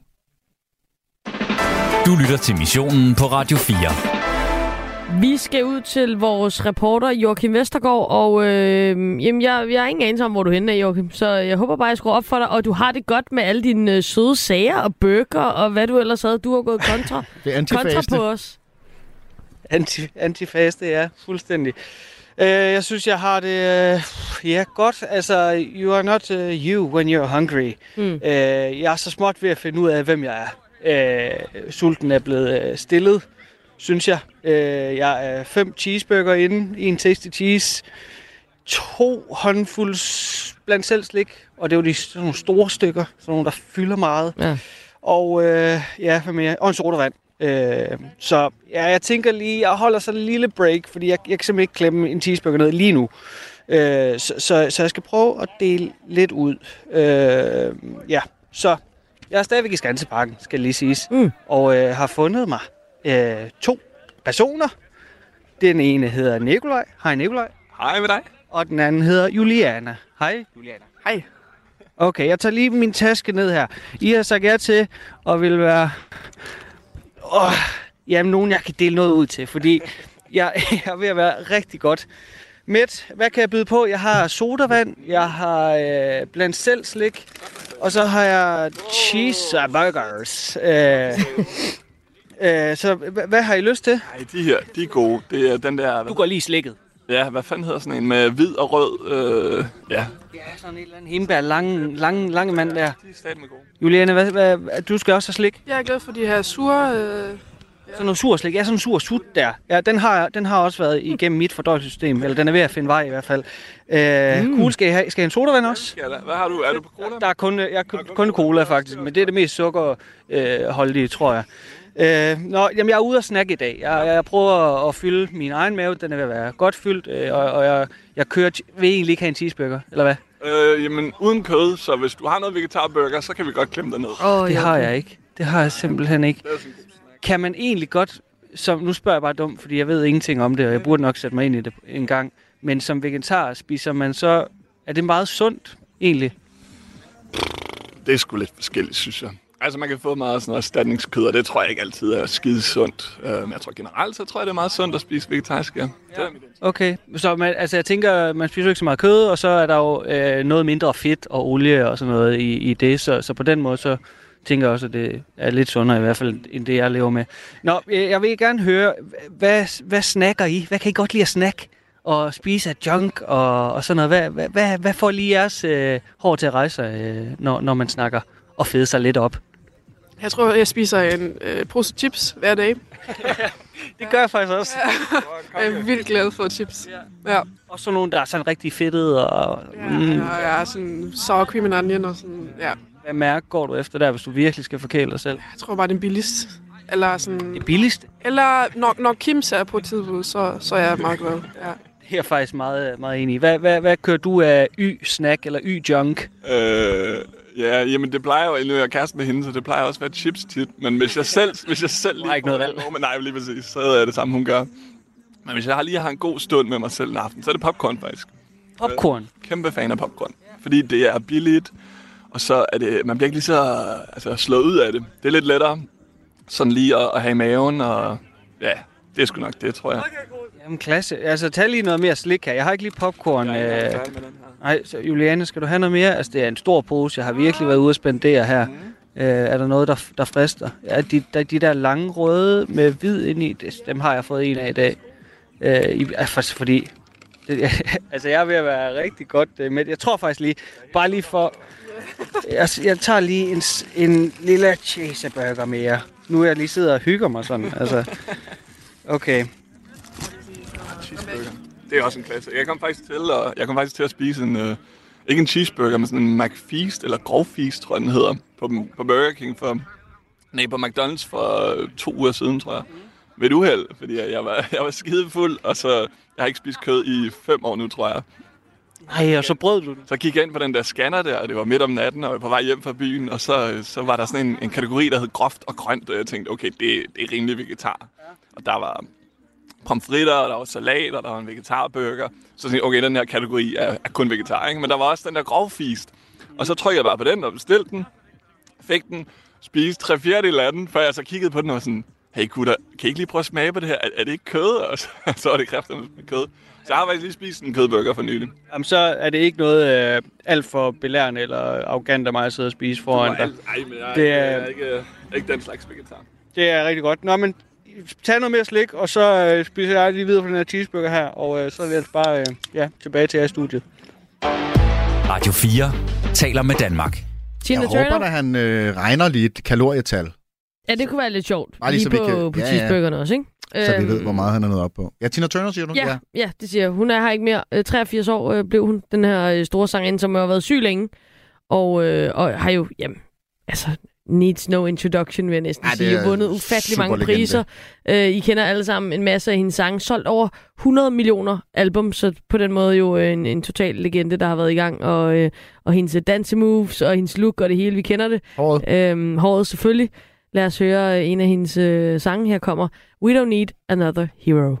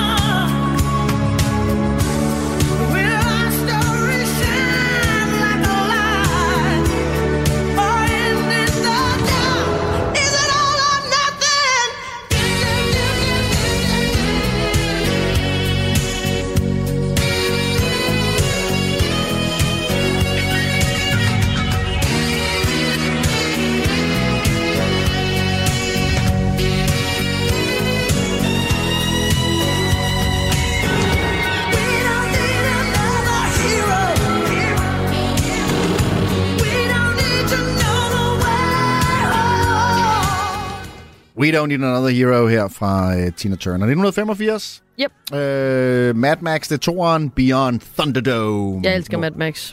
øh, hvor hun også var med jo. Øh, og de havde den der cool, de slås ind i, og mm. Mel Gibson, og dengang han stadig var cool, og så videre. Inden han blev weird. Ja. Øhm, ja, og Mad Max-universet. Det kan have helt sikkert noget. Mm. Øh, det er Tina Turners sang fra, øh, fra soundtracket. Der er mere missionen selvfølgelig her på øh, Radio 4 i den kommende time, hvor fasten fortsætter, Yes. øh, Amalie, og vi skal blive klogere på, om det virkelig kan passe, at man kan øh, opnå mæthed ved at kigge på et billede af en burger. Radio 4 taler med Danmark. Velkommen til missionen med Amalie Bremer og Tony Scott. Må jeg bare lige starte med at øh, sende en lille reklame-tekst afsted for vores øh, gode ven øh, Anders Hagen, Oh, som jo ja. i morgen øh, sender fredagsmissionen. DHB! Og, det er lige præcis. Øh, pakker bilen for at køre til Padborg. Ja, han skal jo... Altså, han pakker vel også en chauffør, ikke? For jeg tror ikke, han har kørekort. Han har ikke kørekort. Nej. Nej. vi sender Sille med, øh, som kan køre ham. Ja. Han har chauffør på hele vejen til Padborg. Han er jo... Hvor han sender fredagsmissionen live fra i morgen, det vil jeg bare lige sige, for det Ja. synes jeg er meget sejt. Det er også nice. Øh, fra Danmarks hurtigste bil. Ja. Øh, så alle mulige Det er bare så ærgerligt, at han ikke selv har kørekort, så han kunne komme ud og køre en sindssygt hurtig bil. Han kan vel sidde på passagersædet Men han er- og blive slynget rundt i sådan ja, noget burnout, jeg. eller er det sådan noget, de skal ud laver? og køre med en eller anden... Jo, ud og lave en donut. Donuts. Mm, Ja. Er det ikke det? Det håber jeg. Så kommer han til at skrige. Er det ikke donuts og bassarm? Er det ikke det, der foregår? Men så skriger han. Det vil jeg høre. Jeg, Det kommer jeg du til at- fredagsmissionen. Det kan du gøre med stor sindsro, og du vil opleve Anders Hagen skrige i din radio. Ja, det, det synes jeg er vidunderligt. Øhm, det glæder jeg mig rigtig meget til. Øh, først så handler det jo om øh, vores eget lille skive her, som hedder øh, Missionen. Og vi har en mission i dag, som hedder Afaster. Det er noget, vi har været i gang med hele ugen. Så hvis du har øh, hængt på Mhm. mm. mandag til i dag, jamen, så vil du vide, at øh, vi har været på det, der hedder en 12-20-faste. Og øh, igen, øh, jeg bliver en lille smule skamfuld, når jeg sådan skal forklare om det, som om det, vi har gennemgået både det ene og det andet og det tredje. Altså, vi har jo sprunget morgenmaden over, Ja. ret beset, og en aftensnack. Øh, og, og, og, det, men det er en meget populær faste, og det er Mhm. også derfor, at øh, vi taler om det i dag. Det er noget, der fylder i vores mediebillede, og det er jo selvfølgelig også noget, som øhm, er en del af den her diæt og faste og øh, vægt øh, opmærksomhedskultur, som vi alle sammen er en del af. Og, det, øh, det synes jeg personligt er interessant. Så det er også det, vi snakker om i dag. Øhm, hvorfor, hvorfor er der hele tiden en ny kur? Og øh, en ny et eller andet, man skal kasse over, ikke? Nu er det så fast. Mm. Og hvis vi lærte noget i Tibet, så må det være, at, øh, at det ikke er en dårlig idé øh, med faste, men øh, at Kun hvis man er undervægtig. Det giver sig. Hvis, ja, selvfølgelig, hvis man er undervægtig, lad være med det, for guds skyld. Øh, ikke nødvendigvis en dårlig idé, men hvis man faster og hele tiden falder i, mm. så er det en dårlig idé, fordi så faste ikke noget for dig. Så, så hvis du gerne vil, vil opnå nogle sundhedsfordele på en eller anden måde, så, så, er, der, så er der andre ting, der skal til. Altså, skal Ja, du gribe og- et andet sted i værkstedposen end, end fasten. Så lad være med at, at gå rundt og, og slå sig selv i hovedet over, at man hele tiden kommer til at snakke om aftenen, hvis man for eksempel er på en, på en 12-20 øh. Der er ikke nogen Fuldstændig. Altså, øh, ernæringsekspert øh, Morten Elsø, som er god til at punktere en masse myter stop omkring det her. Han altså. sagde, der er tusind millioner forskellige måder at leve på, og man skal finde den, der øh, passer en bedst. Og så synes jeg også, han sagde en klog ting, som var, at man skal reflektere over, hvorfor er man tiltrukket af, hvis det for eksempel er en faste, man læser om på nettet. Er man det ligesom af de rigtige årsager, eller er det bare fordi, nå, nu det er det, vi alle sammen gør, eller jeg har set på Instagram, hvad man skal gøre, hvis man skal være smart eller eller andet. Så prøv lige at tage den, uh, give den en ekstra runde op i nøden, om uh, du gør det på grund af, at du har et eller andet mål, som vi gør dig glad, mm. og opfylde, eller uh, hvordan og hvorledes. Så, så det var i hvert fald uh, budskabet fra første time, og nu er vi så klar til at tage hul på øh, time nummer to her i missionen, hvor at, uh, vi altså faster i dag, og der er selvfølgelig også åbent i sms-indbakken. Du kan skrive til 1424 med dine erfaringer, både gode og dårlige, øh, opfyldte og uopfyldte erfaringer øh, og oplevelser fra at være på kur eller diæt eller fast eller hvad det nu kan være. Der er en, der øh, skriver til os, for et par år siden så jeg en britisk dokumentar, hvor de lavede forsøg med forskellige morgenmåltider med henblik på vægttab. Dem, som startede dagen med bacon og æg, tabte sig mest. Det mente det var, fordi de så ikke snakkede så meget i løbet af formiddagen og spiste mindre til frokost, grundet de mange proteiner om morgenen. Det er en kur, jeg forstår og svæver til, skriver Anker fra øh, Tølløse. Og, øh, Henrik, han skriver også meget imponerende. Hej igen. Øh, jamen hej. Øh, jeg har tabt 37 kilo øh, på et år. Ja. Øh, og det kræver motion, skriver Henrik Ja. ja. Ørn så også på sms'en. Og, det kan jeg skrive under på. jamen, det gør det jo. Ja. Øh, og så, øh, jamen, jeg håber, at det har været, øh, at, at Henrik er, er gladere øh, og sundere. Øh, og har haft lidt til overs så. Skriv til os på øh, 1424 med dine øh, erfaringer i forhold til faste, kur, diæt, øh, hvad det nu end øh, har været. Vi alle sammen deler det her øh, kost-cirkus. Øh, hvordan var det, og hvad oplevede du? 1424, det er nummeret ind til os. Du lytter til missionen på Radio 4. Ja, vi faster altså i dagens program. Jeg vil sige, øh, vi har jo haft en, en helt okay oplevelse. Ja. En meget øh, middle of the road, for at sige det på godt dansk, oplevelse med at faste i de her fire dage. Øhm, vil du fortsætte? Øh, nej. Nej. Men det vil jeg ikke, øh, fordi jeg skal drikke min kaffe jo om formiddagen. Og... Det kan du måske bare skære fra, hvis det var, hvis det, var det. Men det har, jamen, det har jeg bare ikke lyst Det har til. du ikke lyst til, nej. Øh, jeg, kan godt lide, jeg kan godt lide min kop kaffe. Mm. Øhm, og jeg har godt kunne undvære den. Jeg troede egentlig, jeg ville blive mere irritabel af ikke at få den. Men jeg har jo været blid som et lam. Ja. Ganske som jeg plejer at være. Så Ja. på den måde har jo ikke ændret min personlighed. Nej. Øh, Jeg blinker lige to gange ud til produceren, så de kan jeg komme ind og hente mig, inden jeg bliver den dolket herinde. kop kaffe. Ja, det er klart. Så, øh, men så hvis jeg kan gøre det, og så, men så kunne jeg godt... Altså resten af det, kan, synes jeg egentlig giver mening. Mm. Øhm, jamen altså, øh, øh, hende som jeg vil skrue op for nu, mm. hun har også prøvet at faste, og var i hvert fald ikke helt klar på at tage en øh, måned mere. Og det er dig, Mette Malle. Velkommen til. Hov, nu fik jeg skruet op for den forkerte. Der var du, Mette. Nå, I hører mig. Det kan ja. vi i hvert fald. Tusind Det er tak. godt. Øh, Hej med jer. Hej med dig, Mette Malle Hansen. Du er øh, sygeplejerske og øhm, har, har været ja, med i en slags forsøg, eller i hvert fald prøvet at, at tage hul på sådan en fastekur. Øhm, og vil du ikke prøve at- starte med at fortælle os, hvorfor du egentlig meldte dig til? Jo, det vil jeg gerne. Jamen, øh, jeg arbejder som sagt som sygeplejerske og øh, sidder i mit daglige arbejde, øh, blandt andet med øh, og, og rådgiver og vejleder øh, patienter, som rigtig gerne vil tabe sig. Mm. Og øh, rigtig mange kommer med flere forskellige kurer, i, der er afprøvet. Øh, og langt de fleste af dem siger, at det virkede, mens de var på dem. Og så Mm. virkede det bare ikke bagefter. Mm. Øh, samtidig med, at de også finder, søger råd til, hvordan kan de så få det til at fungere. Øh, og da jeg så fik muligheden øh, for at melde mig til det her forsøg med fastekur, tænkte jeg, at jeg er nødt til at få en forståelsesramme for, hvorfor virker det eventuelt, eller hvorfor virker det ikke, mm. og Mm. hvad vil det gøre ved mig? Så det var derfor, jeg ligesom øh, meldte mig til for at se, hvad, hvad, hvad vil det gøre ved mig? Og hvor længe var det meningen, at du skulle øh, faste i det her forsøg? Det, det var kun en måned. Ja, vi har gjort det i fire dage, og vi, vi sidder og pusser glorien herinde med det, så det, det, der skal du ikke... øh, hvor- og hvor længe var du med så? Ja, det var jeg i to og en halv uge. Ja, okay, nå, det er jo Ja. altså længe i forhold til... Og der tror jeg måske også lige, vi skal understrege med det, fordi vi har jo den her 12-20-kur øh, faste, som Mhm. jeg tror er rimelig nem i gåsøjne. Mhm. Du var på det, der hedder 5-2, ikke også? Jo, det hedder 5-2-kuren. Det vil sige, at der er to dage om ugen, hvor at, øh, jeg må egentlig godt spise... Ja, den hed to små måltider af 250 kalorier. Okay. Det i sig selv skulle jeg lige google, hvad Ja. mon 250 kalorier egentlig består af. Det er jo ingenting. Øh, mm, nej, det var egentlig okay. Det var ikke så meget af det. Jeg hørte dig sige, øh, at, at du manglede kaffe, for eksempel med mælk, eller det der med at Ja. øh, mangle noget. Altså, det var mit mindset. Jeg synes, jeg manglede noget hele tiden. Altså, jeg, jeg brugte for meget energi på at tænke på alt det, jeg ikke måtte, i stedet for Ah. at kunne være i det. Tror jeg. Ja. Jeg Hvad er pludselig 250 alt for mange kalorier? Bare for os, der ikke lige har googlet det. Så hvad, hvad er det typisk? Øh, jamen, jeg fik øh, for eksempel et æg. Øh, det kunne være en lille smule kyllingepålæg eller kyllingstykker øh, stykker, og noget salat. Så, så jeg synes egentlig ikke, det var så let. Øh, så, så det der med at bare fylde en masse grønt på, var egentlig okay. Og bare lige så det Øh. står helt øh, klart med det, den her 5-2-kur, hvor mange dage er det så, man faster og spiser de her 250 kalorier, og hvor mange dage, hvor man spiser frit, så at sige? Fem dage må du spise frit. Mm. To dage skal du øh, finde, hvor at du så øh, ja, spiser færre kalorier. Ja. Og, og er den ligesom... Øhm, er den myndet på vægttab, eller hvad, hvad, hvad er formålet typisk med sådan en 5-2-faste?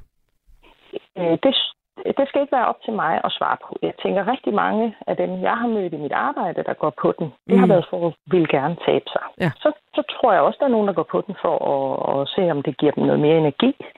Øh, så, så det tror jeg, det er individuelt. Men langt de fleste, når vi taler faste, må så ikke også det er for at, eller kurer, så hedder det for at tabe sig. Mm. Og, og du skulle så øh, ja, være med i det her forløb en øh, måneds tid og holdt så to og en halv uge, og du var lidt inde på det med det, men, men øh, du manglede kun halvanden uge. Hvad, hvorfor kunne du ikke holde ud? Okay. Nej, øh, Nej. Var, nej, det kunne jeg ikke, eller min familie kunne ikke holde mig ud. Nå, for søren. Ved hvad? Det, øh, det, det gjorde det, det blev simpelthen så åbenlyst øh, for mig, at det blev styrende, hvad jeg ikke måtte. Øh, Okay. Og jeg blev simpelthen øh, sådan små, små sur Mm. øh, på dagen. Jeg kom til at mangle energi hen på dagen også, og om det handlede om at bruge energi på ikke at må, eller det handlede om mangel på mad, det, jeg tror faktisk mest, det var det første. Så, så det blev et bevidst valg. Altså det, det, var, det var for at se, hvad gør det ved mig, mm. og måske få en forståelsesramme for nogle af de her patienter, jeg sidder med. Øh, og, og ret hurtigt blev jeg enig med mig selv om, at det er jo slet, slet ikke det værd. Det er ikke den rigtige metode for mig. Jeg skulle i øvrigt ikke tabe mig eller noget. Det er bare Mm. for at prøve det af. Men, men jeg tror, at I var inde på det, og den her øh, specialist, jeg har haft inde, eller snakket med, er inde på det her med, at det handler om at finde det, som er forenligt med hver enkelt liv. Mm. Øh, som kan overføres til en hverdag, uden at man skal bruge en masse krudt på det, eller blive nederlag ved det. Sådan, så man ikke hele tiden skal spekulere i det, men det kan inkorporeres i en almindelig hverdag. Og så kan det være, at der er nogen, der finder øh, både energi og overskud ved det. Hvad, hvad sagde din familie til dig? øh, de, øh, ja, ja, de spurgte, øh, tror du, det har noget med fasten at gøre, at du er lidt vred? Nej, nej, nej, nu er jeg helt sikker på, at det var det ikke. Det måtte være et eller andet andet. Øh, fordi jeg tænkte, det kan da ikke passe, at det kan influere så meget på mit mm. øh, humør. Det kunne det. Simpelthen. Fik du nogle gode ting ud af det, synes du? Øh, jeg synes, min, ja, øh, jeg synes, min sådan generelle sukkertrang, den faldt faktisk. Øh, Det der med, øh, åh, jeg skal da have et eller andet, Mm. den synes jeg faktisk, den faldt lidt. Så, så var jeg blevet ved. Øh, kunne det godt være, at det havde været den positive effekt, øh, og, og dermed øh, et, et vægttab. Øh, det skal jeg ikke være afvisende overfor. Mm. Så det, det er det positive. Og så vil jeg sige, forståelsesramme for, Ja. at det, der er hver enkelts øh, balance i hverdagen eller vaner, at den, den er vi jo nødt til at sætte os ind i, for at kan hjælpe dem til at finde ud af, hvad, hvad, hvad gør, at du kan tabe dig, eller hvad gør, at du kan have et balanceret liv. Øh, man kan ikke bare hente det ned over og sige, jeg synes, du skal prøve 5 kuren eller jeg synes, du skal. Altså, man skal passe ind til, Ja. hvad, man, hvad man vælger. Og, det- og det tænker jeg jo er en sindssygt god forståelse at have, øh, når, du, ja, når du er sygeplejerske øh, med det. Fordi jeg tror, at øh, det, det er jo også en, en samtale, der kører sådan lidt i, i, i bølger, kan man sige. Men folk, der kommer ind til lægen, og så har de måske et for højt BMI, som er den her meget forsimplede mm. måde at kigge på folks vægt. Og så, øh, fordi jeg ved, om du skal bare gøre sådan og sådan. Og det er der måske nogen, der slår sig på, eller bliver ked af, fordi det virker ikke på dem. Så, så det er Mhm. måske i virkeligheden ja, øh, noget, der der faktisk kan blive sindssygt vigtigt, både for dig, men jo også for, for de mennesker, du møder i dit arbejde, den forståelse, du har fået der. Det er jeg sikker på, at det har det. Så, så det har været godt for noget, helt sikkert. Ja. Øh, Jeg kan bruge det.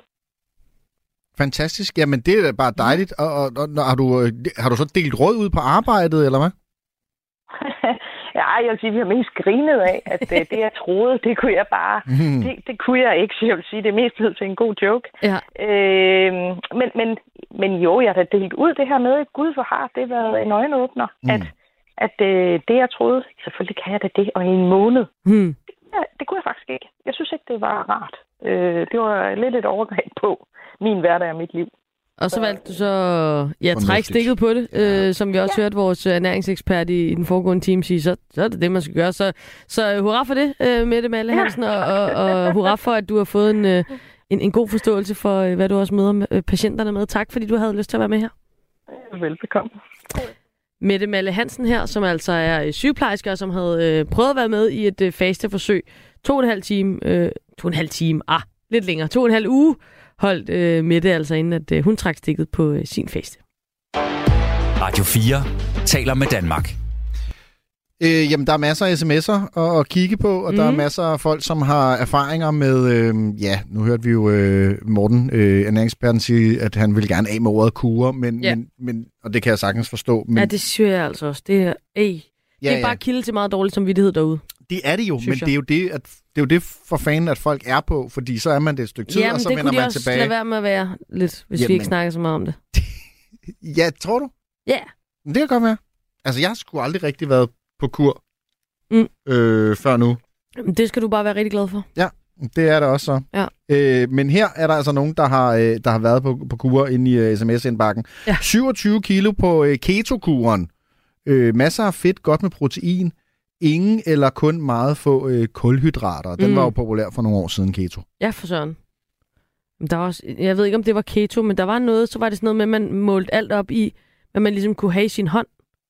Så det var sådan en... Altså, så var det en nem måde. Ja, så var det sådan, så tog man en håndfuld ris, eller en håndfuld... Jeg ved ikke, om det var keto, eller om jeg råd med noget helt andet. Der, der er jo mange kreative øh, måder at, øh, at leve og spise på. Øh, men, øh, men keto, ja.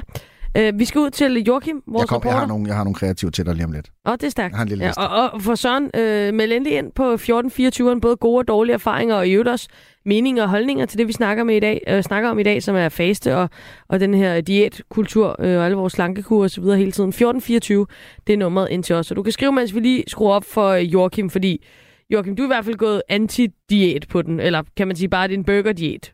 Øh, det, er en, det er en rigtig fredagsdiæt. Ja, rigtig fredag. Lille fredagsdiæt her. Huha, jeg vil ønske, jeg havde en, øh, en vægt, så jeg kunne se, hvor meget jeg har taget på, fordi det må være, være et eller andet. øh, Jeg vil ønske, jeg havde en læge til at tjekke øh, mit helbred. Mm. Øh, på den anden side, så kunne jeg også bruge en psykolog til at, ligesom at kunne diagno- diagnostisere, at jeg er i sandhed lykkelig over al den gode mad, jeg får. Øh, jeg er på burger nummer 6. Jeg har åbnet bur- cheeseburger nummer 7. Øh, plus jeg fik en test i cheese også, så det vi, vi er oppe på 8. Plus øh, en sodavand. Jeg kan ikke få mere sodavand ned. Jeg har lige drukket noget vand, fordi jeg var simpelthen ved at kaste op. Altså, jeg, jeg, jeg, og jeg ryster lidt på hænderne. Øh, og så er det jo klart, at jeg skal lave en øh, ædekonkurrence nu. Øh, på trods af alle de her øh, øh, ja, forfærdelige øh, fakta, jeg har om mit, mit helbred lige nu. Men øh, i hvert fald, jeg, jeg sidder med... Jeg, jeg har stoppet øh, to tømmer i en varevogn, faktisk. øh, fordi jeg tænkte, I kan lide cheeseburger. Øh, den ene hedder Jakob. Dag, Jakob. Goddag, goddag. Og den anden hedder Mads. Goddag, Mads. Goddag. I øh, har trukket øh, papiret tilbage på øh, cheeseburgeren. I har fået to hver. Jeg har, jeg har en, fordi jeg kan, jeg kan simpelthen ikke få øh, øh, to ned. Øh, tror jeg ikke. Øh, jeg kan selvfølgelig prøve, men... Øh, I har en øh, sodavand. Kan I åbne den også? Lige så vi får... Ja. Er I sultne efter en lang arbejdsdag? Meget sulten. Meget sulten. Det Dejligt. Og I kan godt lide cheeseburger? Yes, sir. Yes, sir. Yes, sir. Det er godt. Tag til efterretning, chef. Øh, jeg tænker bare, at på nu, så øh, ser vi, hvor hurtigt I kan spise to, og hvor hurtigt jeg kan spise en. Og hvis jeg spiser en hurtigt, så Joachim, kan det være, du skal da også spise to. en toer. Hvad er det for noget? Okay, jeg tager en, jeg tager en mere. Hold nu op. Hvor mange kommer du så op på? Jeg lige prøvet at regne lidt på det. Er det så nummer 9 og 10, eller hvad? Jamen, det er nummer 9 og... Nej, 8 og 9. 8 og 9, tror jeg. okay. Ja. Godt. Men øh, hvis de står klar her i vindueskarmen på, på, på tømmerbilen, og I har øh, ja, øh, sodavand der, hvor man tænker tømmer de her sodavand til at stå, når de kører bil, ned mellem benene. Det er ligesom, som man kalder en nossebajer. ja, det er selvfølgelig rigtigt. Øh, godt, jeg tænker, øh, jeg bare siger velko- velbekomme, og så øh, siger jeg 3, 2, 1, cheeseburger. Mm. Hold da, vi er halvvejs nu. Mm. Hvad er det tør? Den er tør. Ja, det er også to timer gammel. Ej, dårligt, mand. Ja. Kan jeg lige også pikke det ud, ligesom mig? Nej. Nej. Nej, hvor er vi papir. Okay, kom nu, drenge. Både, tag det Der er ned gået med 20 vandet. sekunder. Nej, hvis Det er lidt langsomt. 20 sekunder er gået.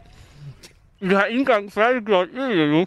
Jeg kan heller ikke synke det endnu, fordi jeg har ikke noget at synke det ned med. Og jeg kan mærke, at jeg får lidt kvalme med at spille lige ud af deres tømmerbil. selvom Ja, det er jo... Hvad siger du? Det er dårligt, det her. Mm. er det dårligt? Burde være- Er I ikke taknemmelige over den her burger her? Jeg er, jeg er stadigvæk kun halvvejs. Jeg har ikke engang sunket noget nu. Åh, oh, der er den første færdig. Det var Mads, der blev hurtigt færdig. Og du kan lige uh, skylle... Du er også færdig nu, Jacob. Med din første. Jeg Det tager et er lille minut. Halvvejs, fordi... Det ved jeg ikke helt. Ja, vi er er, vi er på et minut række. Øhm, det er svært at snakke, mens man skal æde. Øhm, eller spise. Tror jeg, min mor havde lært, jeg skulle sige. Drenge, hvor, hvor er vi henne nu? Øh, hvordan reagerer øh, systemet for hos jer? Jeg siger tak. Tak. Der var lavt blodsukker nu, det hjælper. Mm. Jeg vil ikke spise noget som 12. Prøv at sige det igen. Og lavt blodsukker for.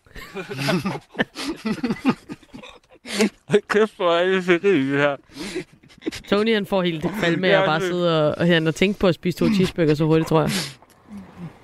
Ja, det gør Det er mere jeg. fordi, det er oplevelsen af, at I Ja, spiser dem inde i min øregang. Ja, og, og at den er meget tør, det kan jeg heller ikke så godt lide.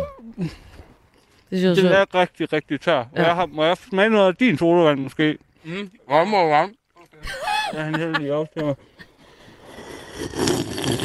Okay, ja. Det er helt inde i radioen. Jeg, jeg tabte simpelthen sodavand øh, ned i deres bil. Ja, det er jeg ked af. Jeg skal Ej, nok tage det op Joachim. bagefter. Er I færdige med to? Jeg er færdig med to. Begge to? Jeg bliver færdig med en lige om lidt. Okay, jamen det er to, to minutter Øh, og og, I bunder 10 jer sekunder. sodavand. Bund, bund. Bund, bunde. Kom så, drenge. Ja, tak. Det var den første. Og 3, 2, 1.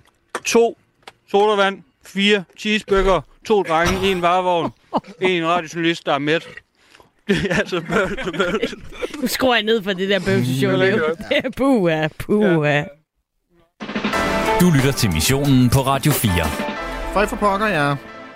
Øh, kur er dårligt. Øh, man skulle, Også burgerkur. Også burgerkur. Man skulle tage og bare... Og, hvis man gerne vil lave om på sin kost, så skal man jo bare lægge den om permanent. Ja. Øh, og, og, og leve sundere, hvis man er interesseret i det. Øh, det der med kur, det er roden til at låne. Det er det, Ja, vi så har lært i man til at dag. leve på en øh, sten, og så når man er færdig med at leve på sin sten, så løber man ud og laver en Joachim. Øh, men jeg har fundet nogle kurer, som er ekstra dårlige. Okay, fedt. Og øh, jamen, kan du give mig lidt underlæg? Noget, øh, Jo, det kunne være noget, det kan du tro. Jamen, den kommer her. noget, noget et eller andet, ikke? Lige præcis. Det er i form, der har hjulpet mig Ja, med at, øh, det at, at give mig nogle gode kurer. Tykkekuren. Ja. Super populær i starten af 1900-tallet, opfundet af en, der hedder Horace Fletcher. Ideen, Amalie, er jo simpelthen, at du tykker din mad. Tyk, What? tyk, tyk, tyk, tyk. Du skal, Skal man tyk, tykke sin du mad? skal tykke din mad til en flydende masse. Så, så tager du hovedet baglæns og lader den bare glide ned. Det skal være så flydende, Okay. at du kan bare kan drikke det. Øh, reglen, tommelfingerreglen i tykkekuren. Tyk din mad mindst 32 gange. Mindst. Ja, det gør man jo ikke i dag. Gerne mere. Mm. Cigaretkur. det må tage lang tid at spise. Ja, ja, men så bliver du også... Så bliver du, der, der var også på et tidspunkt, hvor du var sådan med, tyk din mad meget, øh, Ja, kan jeg ja. huske. Fordi så bliver du øh, hurtigere mæt, Yes, og spiser yes, du ikke så yes, meget. ja. Så det kan også være, at der, der er den... Øh, så tykkekuren, den kan du lige prøve af. Mm-hmm. Øh, ellers så kan du tage cigaretkuren. Ja. Man har jo altid det der med, at det tager, øh, om man, ja. hvis man holder op med at ryge, så tager man på. Ikke? Det er sådan en... Det har man altid sagt Yes. i hvert fald. Men i hvert fald i 20'ernes USA, der er lanceret øh, Lucky Strike. Øh, Gjorde de sjovt nok det? en, ny, Lucky ka- Strike. en ny kampagne, Snubbin Lucky, i stedet for et stykke, et stykke slik. Mm. Så simpelthen bare erstatte øh, noget meget usundt slik med noget rigtig sundt, en smøg. Godt set af Lucky Ja, Strike, det er godt sige. set. Det er øh, cigaretkuren.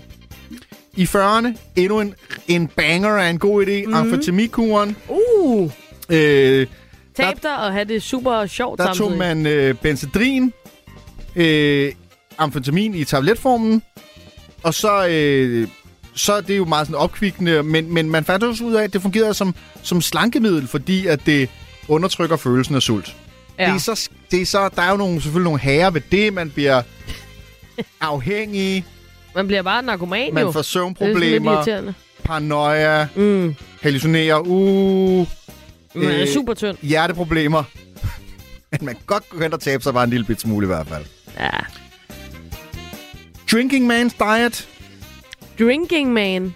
Ja, Ja. det er Robert Cameron, der i 64 udgiver en bog, der hedder det. Han mente, at øh, kulhydrater, det skal undgås. Mm. Øh, så øh, øh, undgå det, men tag i stedet for øh, noget, der ikke er så mange, øh, mange kulhydrater i. Det kunne være gin. Det kunne være vodka. Mm-hmm. Det kunne være whisky. Øh, drik det for mæthed. Ja. Øh, der er selvfølgelig også nogle herrer her, Det er der. skal jeg sige, ved den øh, kur. Ja. Lidt det samme som med amfetamikuren fra før, Man bliver alkoholiker. men meget, meget, meget tynd. Ja. Der Så der slutter musikken, så lad os bare slukke lukke den der. Ja. Peter Sommer brød sig i mange år hverken om at synge eller optræde. Jeg synes bare, jeg har spildt så mange publikums øh, tid med at stå der og træde sig selv over tæerne og ryge smøger. Og... I det sidste måltid på Radio 4 er Peter Sommer død i en time. Jeg havde jo bare lavet de der sange, og et par stykker af dem var blevet et hit, ikke? Lyt til det sidste måltid i Radio 4's app, eller der, hvor du lytter til podcast. Jeg skal lige vende mig til tanken om, at det er det sidste måltid, ikke? Radio 4 taler med Danmark. Så er vi øh, tilbage her i studiet, skulle jeg til at sige, efter en lille hilsen fra det sidste måltid. Ja. Og øh, 1424, øh, det er sms'en ind til os. Man kan øh, byde ind med sine erfaringer og oplevelser fra øh, forskellige diæter, kurer, faster, hvad man nu har øh, været ude i. Der er mange forskellige. Oliver fra Bornholm skriver til os en, øh, en, en god besked, synes jeg. Han skriver, jeg holder mig fra mad efter aftensmaden til Mm. minimum en time efter jeg er stået op.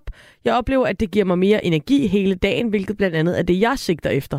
Jeg sørger for at få motion umiddelbart efter aftensmaden, da fasten jo ikke reelt starter, før blodsukkeret når ned på et vist niveau. Mhm. Den måde at faste på passer godt med familieskemaet, så man kan spise sammen hver dag. Jeg er motiveret til at komme tidligt i seng for bedre søvn. I øvrigt glæder jeg mig øh, mere til at stå op og få stillet sulten. Min ambition er også at springe morgenmaden over, men det er jeg ikke klar til endnu.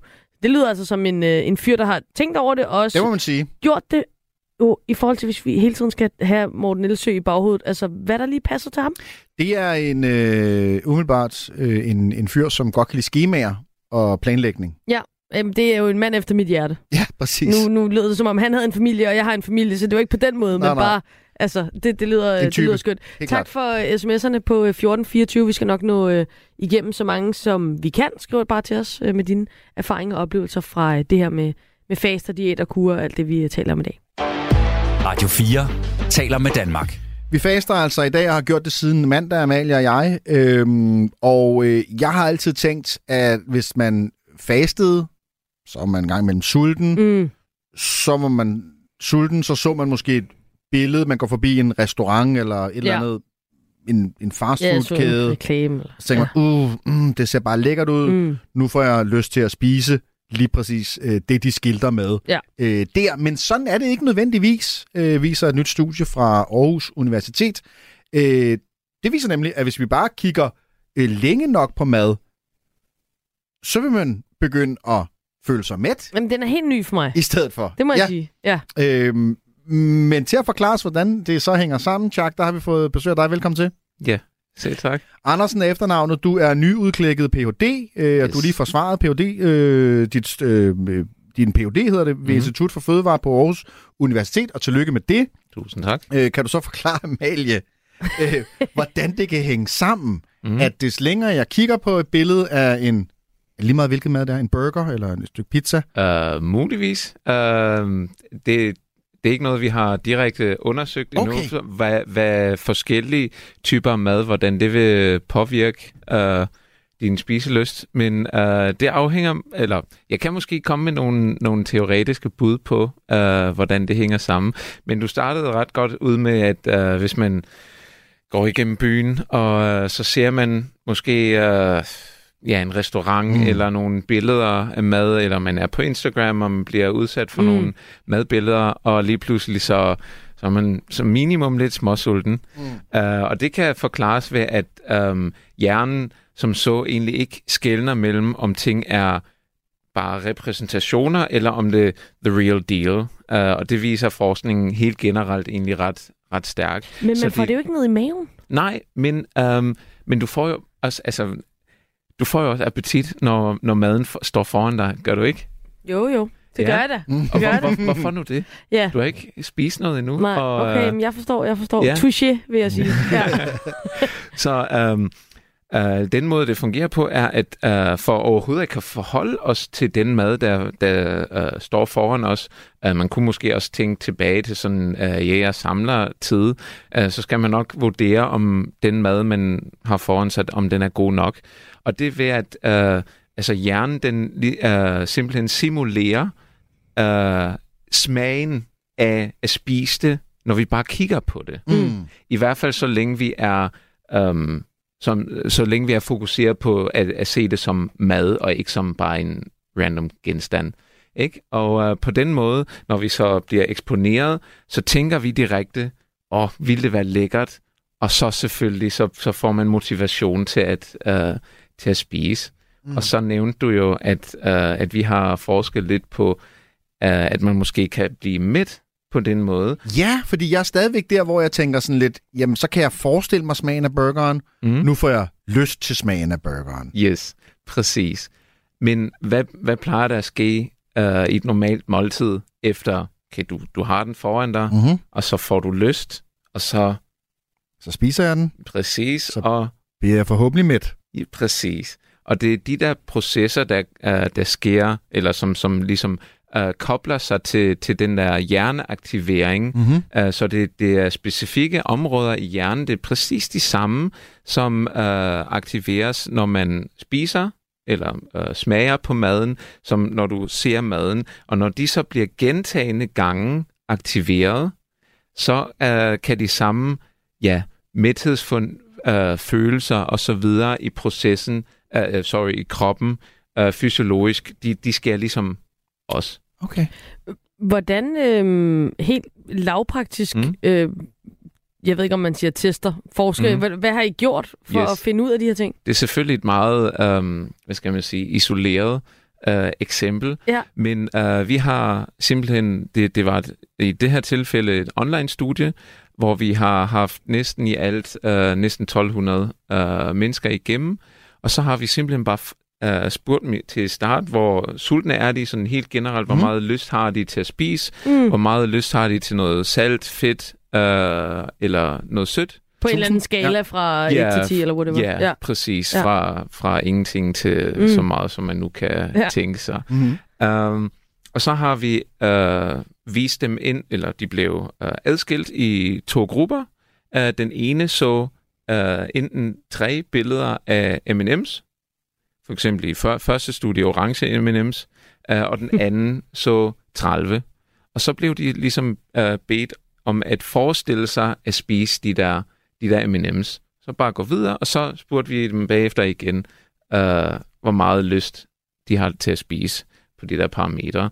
Og så uh, så vi, at hvis man nu har set tre, eller ja, set tre billeder og mm. forestillet sig at spise tre M&M's, uh, så har man faktisk mere lyst generelt til at spise, men især til, til sød, sød mad. Mhm. Og det er fordi, um, altså, uh, I kender det sikkert godt, uh, appetit og sult, det er meget specifikt. Så har man spist sig midt på hovedmåltidet, men uh, desserten, den, den kan stadigvæk... Uh, Der er lige plads. Det kender vi. Præcis. Det kender vi. Dessertmave, ikke? Ja. Um, så efter tre gange, så har man netop det der med, okay, jeg, jeg er mere sulten. Men når man så har gentaget det 30 gange, Aha. uh, så er vi som minimum tilbage til der, hvor vi startede.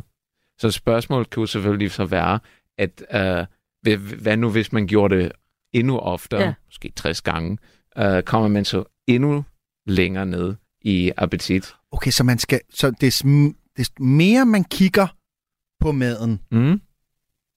Desto mindre sulten bliver man. Yes, Agtigt. yes, Okay, præcis. så man skal kigge rigtig meget på den. Handler det om tidsmæssigt, hvor længe man kigger? Eller Nu siger du vise 30 gange, mm. og vi, Mhm. vi sad lidt på vores redaktion. Vi vidste jo, vi skulle tale med dig. Mm. Så fandt vi hver især et billede af noget mad på vores computer, mm. og så sad vi sådan og kiggede... Nu, nu retter jeg hovedet Kigger væk. væk, og så ja, og så kigger man tilbage og væk og tilbage og væk. Mm. Hvordan... Hvad, hvad, Altså, øhm, som udgangspunkt øh, er, er det vigtigt, at det er, at det, hvad skal man sige, adskilte mad Eksponeringer, genstande. ja, ja, okay. Ja, Okay, ja. okay, Øhm, ja. Altså, jeg kan give et eksempel øh, fra et studie, vi også har udgivet, og det var på øhm, Aarhus Food Festival, og der har vi sammenlignet øhm, forestillet spisning med reel spisning. Igen, 30 gentagelser, og det sjove, det er mere en anekdote end et øh, sådan videnskabeligt Mm. fund, bare for, for øhm, øh, understrege den her pointe. Øh, så 30 M&M's, det svarer mere eller mindre til sådan en øh, amerikansk fun size øh, pakke. Det er sådan, en, Mm. altså sådan, det, det, det er virkelig lidt. Det, det er en små håndfuld. Det, det lyder af mange, men det er det faktisk ikke. Mm.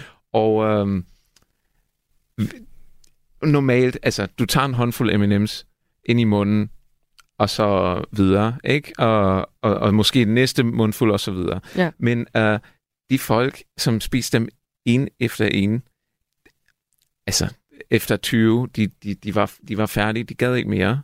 Så det er meget det der Nå. med, at, at, øh, Ja. at, at man har de der episoder, som, som gør en forskel. mm. Uh, samtidig ved jeg dog også, at der er, en, der er et studie, hvor man har puttet folk ind i en hjernescanner, og så har man bare givet dem konstant uh, chokolademælk i, jeg ved ikke, måske et kvarter eller sådan noget. ja. uh, og i starten lyser... Uh, Der er man bare sådan tilfredsstillet. Ja, Eller, præcis. Altså, så alle dine, øhm, altså hvad hedder det, ja, belønningsområder, Mm. områder, de lyser op, fordi det, det er meget lækkert, Lækkert. chokolademælk. Og, t- og, og så øh, går den der lyst, den går bare ned, og til sidst så øh, aktiverer smerteområder. Det er jo Altså- ligesom Joachim, vores reporter, som er spise Ja, ja, cheeseburger. cheeseburger, ja. og i starten, der var han så glad, og, og nu kunne han slet ikke få det ned. Jo. Han havde det rigtig dårligt. Ja. Præcis. Så det er faktisk, vi er, vi er hen Mm. i, i, den, i Mm. den retning. Det kan godt være, det er et ligegyldigt spørgsmål, men jeg bliver nødt til at stille det. Hvorfor M&M's? Er, der- er der nogen grund til det, eller var det bare tilfældigt? eller? Det, det var semi-tilfældigt. Ja. Øhm, det, det var lidt af praktiske årsager, fordi der var, en, øh, var et studie tidligere, som har Okay, vist så der det her. noget at bygge på. Præcis, og også fordi uh, vi, vi gjorde det i en lidt anden kontekst, og så ville vi gerne replicere det eller reproducere det, uh, før vi ligesom bygger videre mm. på det og kan vise, at det fungerer også mm. uh, i vores kontekst. Ikke? Fordi ellers er det sådan lidt, uh, hvis vi ikke finder samme resultater, men vi har også gjort andre ting, jamen, Det er klart. Hvad, hvad er det så, der, der er sket? Vil, Jack, tænker du, at hvis jeg hænger et billede af en pose chips op mm. ude i mit køkken, mm. så, så vil jeg jo se den øh, g- gentagende gange, mm. så vil jeg få mindre lyst til at spise chips. Det, det er et meget godt spørgsmål. Det kommer meget an på, hvordan du bruger billedet selvfølgelig. Hvis Ja. du, uh, Jeg ser det jo bare. Ja, og hvis du så forestiller dig, at du spiser den ene chips, og så mm. Den næste chips, og så den næste chips, Ja. og så den næste. Okay, Jeg kan godt mærke det. så jeg det skal også bliver- arbejde lidt for det. Jeg kan ikke nøjes med at hænge det op. Præcis, Jeg skal ja. lige sætte mig i lotusstilling derude, Ja. og så kigge op på det, og så Ja. Chips for chips for chips. mentalt øh, spise chips. Ja, jeg kan måske give et eksempel. Uh, et tidligere studie, som også har vist, at man kan se på, uh, eller se på mad- madbilleder, de har i hvert fald uh, fået deltagerne til at evaluere dem, og for at evaluere, evaluere eller bedømme, hvor uh, lækker mad er, Mm. så skal vi netop lave den der simulationsøvelse, om, om det så er bevidst eller ubevidst. Mm. Og uh, så har de så sammenlignet det med en anden gruppe, som har uh, bedøm, uh, som, som bedømte uh, billedernes altså lyshed, altså hvor simpelthen hvor lys billederne Okay. er, hvor, Mm. hvor, hvor, Så de tænkte slet ikke på maden, ligesom hvor lækker den var, men bare billedets Præcis. kvalitet eller sådan noget. Præcis. Okay. Og de fik ikke noget ud af det. Mm. Så øh, hvis du tænker på noget helt andet end rent faktisk noget, der har at gøre med spisning, Mm. så, øh, så virker det nok ikke. Men så bliver det måske heller ikke påvirket Nej. til Men jeg er nu ret sikker på, at hvis jeg ser en pose chips på en plakat i mit køkken, så vil jeg tænke på chips. Hver eneste Det er gang. klart, men du er også en Det er chipspige. Jack Andersen, tusind tak, fordi du havde tid og lyst til at komme og, og fortælle om, om det her fascinerende nye øh, studie, som Ja. du har været med til at lave nyudklikket øh, PhD øh, øh, Fødevare på Aarhus Universitet. Tak for Tusind tak. Du lytter til missionen på Radio 4. Thomas og Mathias, de har som altid en ja. meget lille bakke, de er klar til at dø på, og den kommer lige her. Missionen præsenterer den mindste bakke, man er villig til at dø på, med praktikanterne Mathias og Thomas. Hej Mathias. Hej Thomas. Hvilken bakke er du villig til at dø på i dag? Jo, nu skal du høre, Thomas. Jeg faldt over et term forleden, som jeg simpelthen ikke kunne fordrage. Ja. Og det er øh, termet sober curious. Ja, altså, jeg godt hørt. Du har godt hørt det? Ja, ja. Så det er jo lige det der med, at man er curious på det, ikke at drikke alkohol. Ja. Ja, at man er curious på at være sober. At være nysgerrig på livet uden alkohol. Ja. Men jeg forstår ikke, hvorfor skal det gøres til et term? Altså, hvorfor kan man ikke bare lade være med at drikke? Og så hvorfor skal det hedde noget? Hvorfor skal det gøres til en identitet, at man, så nu er man afholdsmand eller afholdskvinde, for eksempel? Det har jo altid været et, et term som afholdsmand eller afholdskvinde. Jo, jo, helt sikkert, at det har man så brugt det som et term på den der måde der, men, men, men, men min pointe er jo, at det var jo noget, man gjorde før i tiden, garanteret fordi man var meget kristen og sådan der. Hvorfor kan folk ikke bare sige, som, jamen jeg drikker ikke? Hvorfor skal det, hvorfor skal det blive sådan en, hvorfor skal det blive sådan en trendy ting, at man siger, at man lader være med at drikke? Hvorfor har du noget imod, at folk træffer sunde beslutninger omkring deres egen krop og deres helbred? Det har jeg da heller ikke. Det lyder da sådan. Nej, jo, nej, du nej. angriber den, fordi de træffer en fornuftig beslutning, som du ikke kan finde ud af Jamen, at hvor, træffe. jamen, hvorfor er den partout fornuftig? Altså, Fordi at du ikke fylder din krop med gift og pis og lort og smadrer din lever, smadrer din hjerne og smadrer din arbejdsmoral. Nej, jamen det samme kan man også sige om sådan en masse andre ting, man spiser af kød og sådan noget der. Ja, klart. Men det er præcis det samme, men det bliver jo ikke angrebet på samme måde. Okay, det gør det gør det. det, gør det, gør det, det gør det. Jeg kan bare ikke forstå, at termet, øh, det, det ligesom skal, skal definere det. Altså, det er fint nok, at du ikke drikker. Altså, det, det, altså, men jeg, altså, jeg forstår ikke, hvorfor man ikke vil drikke. Men det er fint nok, at du ikke gør det. Men lad være med at kalde det for sober curious. Jeg tror måske, at hvis du prøvede det en smule, så vil du også kunne finde ud af nogle ting omkring dig selv, som du har druknet med alkohol, du har lammet dig selv for selvudvikling. Så jeg tror, at det vil være fornuftigt at prøve øh, at lave over en periode, at man ikke drikker noget alkohol overhovedet, for at se, hvilke effekter det kan have, både på dit sind, men også på din krop, og dit humør og din ja. energi. Ja, det, ja. Altså, vi kan gøre det sammen. Skal, ja. Så kan vi gå sober curious, så længe vi overhovedet kan. Ja, men det kan måske egentlig... Altså, du rammer lidt et løn, øm punkt, det du siger med at drukne meget i det ting. Ja. Altså, det, det, er, det har, det har Mærk jeg da- efter, ikke? Jo, jo. Mærk efter ind i hjertet. Ja, ja, ja, ja. Ind i hjertet, ja. Ja, det er okay. Men det kan vi godt. Kan vi prøve det så? Mm. Starter vi fra nu? Det kan vi godt. Okay. Det er godt nok super kedeligt. Ja.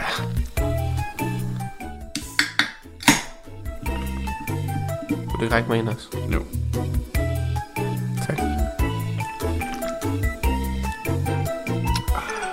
Du har lyttet til Den mindste bakke, man er villig til at dø på, med Thomas og Mathias. Jeg skal bare lige komme med en uh, kort indskydelse her. Det er kommet en sms. Amalie Pi med 16 decimaler. Ja, og der vil jeg det øh, sige øh, 3,14, 15, mm. 92, 65, 35, Rigtigt. 89, 79, Ja. 32. Sådan, bum. Hej hej, og tak for i dag. Easy. Du lytter til missionen på Radio 4. Lige nu der er det så øh, åbenbart en øh, trend inden for sundhed af faste. Øh, tidligere mm. der har vi set øh, suppekur, one pot pasta, stenalderkost, kombucha, øh, kiagrød, har jeg altid tænkt over. Det lige pludselig lå det i alle 7-Elevener, mm. Man skulle købe øh, det, og jeg kunne blive ved. Øh, men hvad er det, der gør, at vi hopper med på den ene fødevarebølge, øh, diæt, kur, something, øh, efter den anden? Vi vil gerne blive lidt klogere, og måske få et forspring, så kan vi blive de næste fødevare- eller diæt trendsetter øh, derude. nu skal vi øh, blive lidt klogere sammen med dig, Hanne Harbo. Velkommen til missionen. Tak skal du have. Du er Øhm. strategisk foodplaner ved Nørgaard Mikkelsen, et innovations- og kommunikationsbyrå, så er det i hvert fald lige øh, slået fast. Øh, Hanne, men det her med, med trends inden for øh, sundhed og fødevare osv., er, er det en ny ting, eller hvordan? Nej, det er det, det, det, er det jo ikke. Der, det, vi har jo altid bevæget os i alle mulige forskellige retninger, så det, det er det ikke. Altså, det der er det nye, det er, at vi er jo bare blevet meget mere sådan et, øh, vi talsætter det. Altså, vi talsætter det for os selv, og vi talsætter det for andre og sådan noget. Hvad, hvad for en trend vi ligesom er med på, ikke? Mm. Og, øh, og, og det, har vi, det, det har vi ikke gjort så meget før. Det gør vi nu. Altså, og det er sikkert i høj grad på grund af sociale medier, også noget, hvor vi kan mm. ligesom flashe, hvad det er, vi, hvad for en trend vi er med på lige for tiden. Ikke? Øhm, så, man men kan det har sige- altid været der. Man kan sige, faste, det er måske i virkeligheden så en anti-fødevare-trend. Altså, man skal, man skal ikke spise så meget. ja, det ved jeg nu ikke, om det er. Jeg tænker det, jeg, tæ- jeg, altså, jeg tænker det som en, en, en, en vigtig trend, altså en del af en trend, som jeg, jeg- jeg skriver sådan nogle food trends bøger, og Mm. der, øh, der øh, har alle trendsene, de har et navn. Og, øh, og en af de trends, som jeg arbejder øh, meget med, og jeg tror, som jeg ser er kæmpe stor lige nu, det er en, jeg kalder performance food. Okay. Øh, og perform, performance food, det handler om at være øh, altid at, ligesom at søge at være den bedste udgave af sig selv, hvad enten du er privat eller du er øh, professionel. Og, og, og performance, det kan jo være, at man, man detoxer sin krop. Mm. Det kan være, at man spiser på en eller anden speciel måde, at man spiser meget af noget og mindre af noget andet, noget, der er rig på, noget, der er fri for. Så jeg mener, det, det, er ikke, det der det er sådan set bare en deltrend af, af en hel masse, der foregår lige nu, øh, at vi nu skal faste. Og performance-trenden, prøv, prøv lige at sætte nogle flere ord på. Altså, hvad, hvad er det helt præcist, øh, folk kaster sig ud i der? Jamen, der, der kaster de sig ud i... De, for det første, så spiser de jo en hel masse ting, som er på en eller anden måde ekstra, ekstra sunde, mm. som gør, at de performer bedre. Altså, det er jo derfor, vi spiser så sindssygt mange, meget helsekost, og, og egentlig rigtig gerne ville spise meget sundere, end, end, vi, gør- end, end vi gør nødvendigvis, for at styrke vores immunforsvar. Og det, det der er lidt specielt ved den her trend, den har øh, været der i nogle år, men, men den er jo bare blevet øh, kæmpe stor øh, efter corona her. Øh, jeg tror, ikke, den, jeg tror simpelthen ikke, den lige forsvinder, fordi folk de har fået sådan en anden form for en, en bekymring og en sygdomsangst og sådan nogle ting. og, så, og så i kraft af de ting, man kan gøre, en, en tro på, at man også kan, kan blive sundere. Ikke? Altså, øhm, for hvorfor skulle man ellers øh, øh, detoxe sig selv, eller Mm. faste, eller hvad man nu gør. Og er det, er det Øhm. en meget bred trend? Fordi når du siger performance, så tænker jeg jo i, sådan, øh, Ja. altså i sin, sin originale betydning, hvis man kan sige det sådan, så, det, så tænker jeg på nogen, der skal performe ved at lave en Ironman, eller øh, være øh, topatlet inden for et eller andet. Men det her er vel også helt almindelige mennesker, som på en eller anden måde prøver Ja. at, at optimere sig selv, også selvom de går så en bare øh, løber 5 km et par gange om ugen. Ja, det, er, altså det, det her, det er på en eller anden måde, det er måske en af de bredeste trends, der er lige nu, fordi vi alle sammen kan være med på den, fordi der er, en, der, der er meget relevant, det er meget relevant for os at tænke os selv sunde, ikke bare ved, ved det, vi motionerer, men også ved det, vi spiser. Og så ved jeg godt, at der er alle mulige ting, der trækker i den anden retning, med hensyn til ø- økonomien, der er udfordret, og, og mange andre ting. Men, men jeg tror, det er en, en trend, som er, altså den, den fylder meget, men, og så kan man sige, at det så er en trend. Jamen, det, det, det er det stadigvæk, altså fordi der dukker hele tiden nyt op, og det bliver stærkere og stærkere. Og jeg tror, det er kommet for at blive på en, altså i hvert fald i, i en overrække endnu.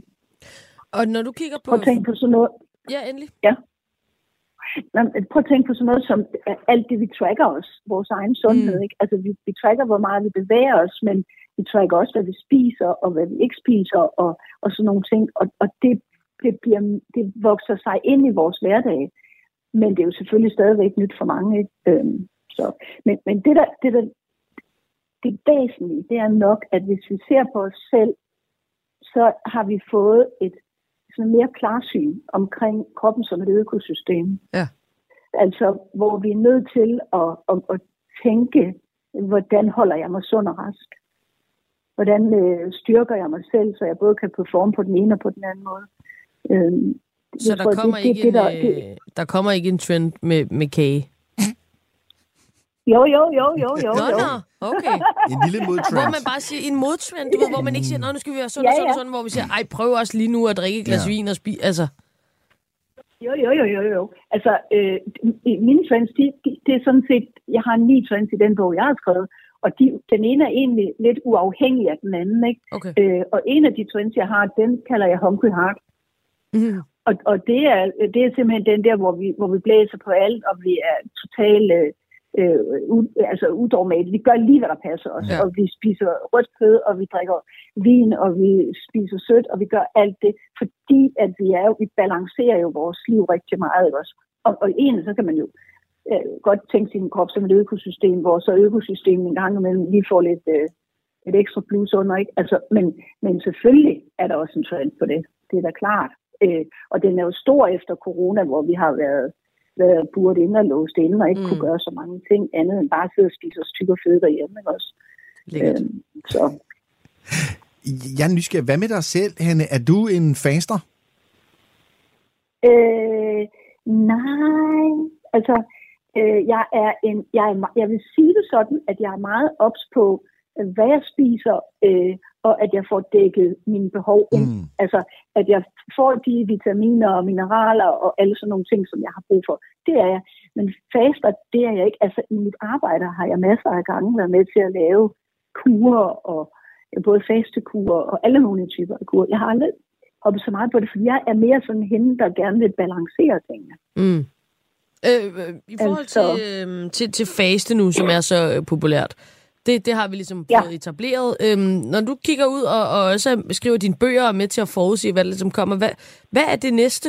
Øh, hvad er den næste fødevaretrend? Altså, den, den trend, som jeg, som, som jeg for mig er den vigtigste af dem alle sammen, den kalder jeg på engelsk sustainable, altså to eat sustainable, eller spise ja, okay. bæredygtigt. Sustainable. Ja, det er, det er i min optik øh, det vigtigste, der sker lige nu, at vi har en, at der er en bevægelse imod en mere, øh, altså en, en, en måde at, at forholde sig til kloden og klimaet og dyrene og maden og det hele på, øh, som er lidt mere respektfuld, og Mm. hvor vi tænker mere bæredygtigt. Det, det, er, det er det vigtigste, der sker lige nu, øh, fordi den er, det, det er en trend, som vi ikke kan komme udenom. Altså, uanset at der sidder nogen og siger, ja, men jeg skal have min bøf, og jeg skal have det, Mm. du ved, så, så kan vi, ikke, vi kan ikke komme udenom. Altså, den er, den er i gang, og, og store virksomheder øh, tager de her store dagsordner og, altså, og, og, og fodrer os med, med ting, som er mere bæredygtige på forskellige niveauer. Så det synes jeg er noget af det vigtigste.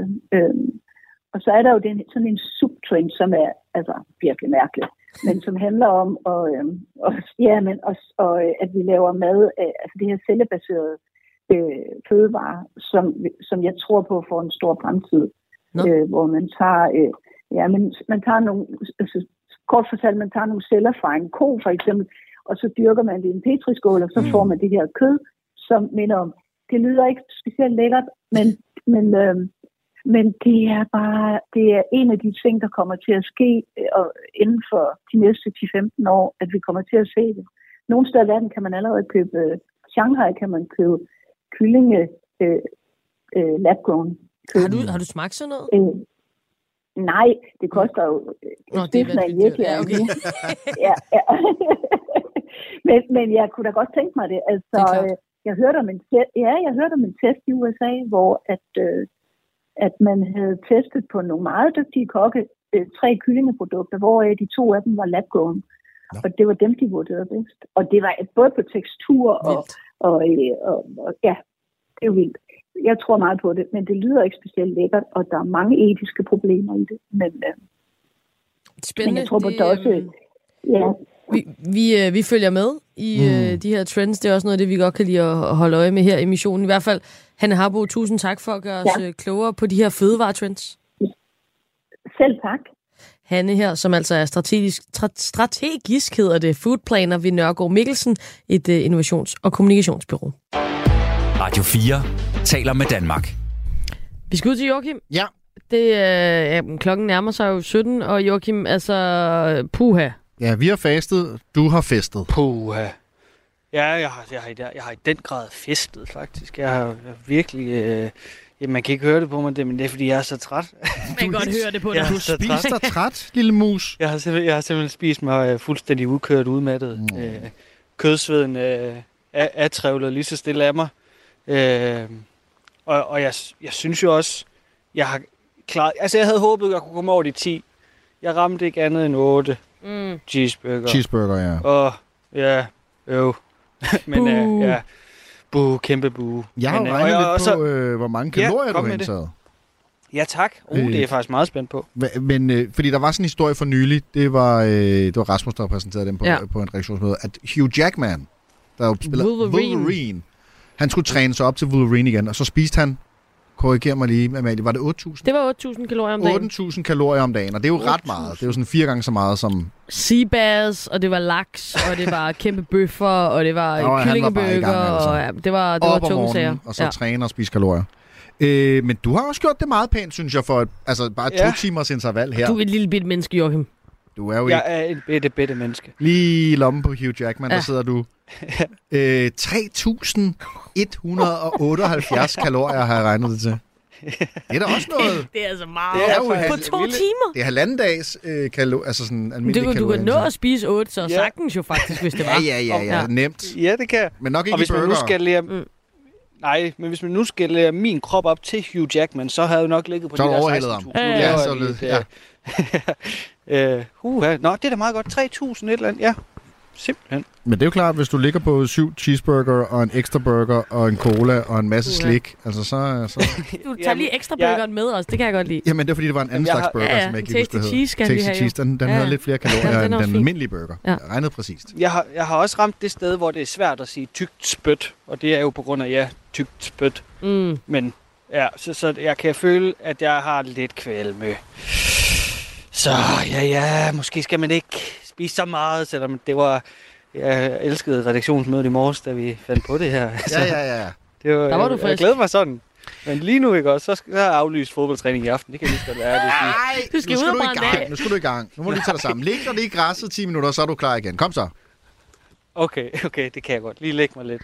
Slap lidt af. Ja, slap du lidt af, Joachim. Godt. Jamen, ja. reporter Joachim, altså øh, lige lidt vask. Han kan lige ligge Mm. mm. på en bænk der i Skansparken, øh, mens vi andre kan nyde en lille jingle, fordi vi fastede en hel uge næsten. Vi gjorde det! Ja, ja, ja. Ing.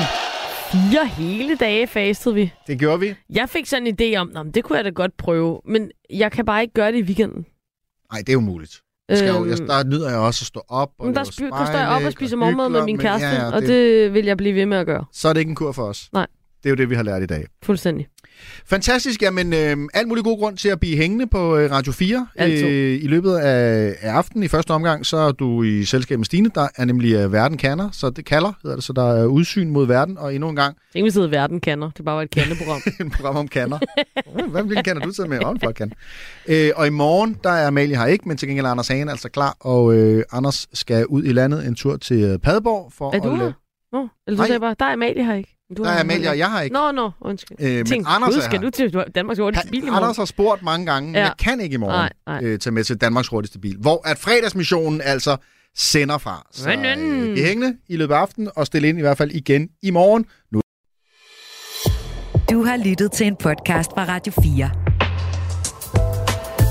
Find flere episoder i vores app, eller der, hvor du lytter til podcast.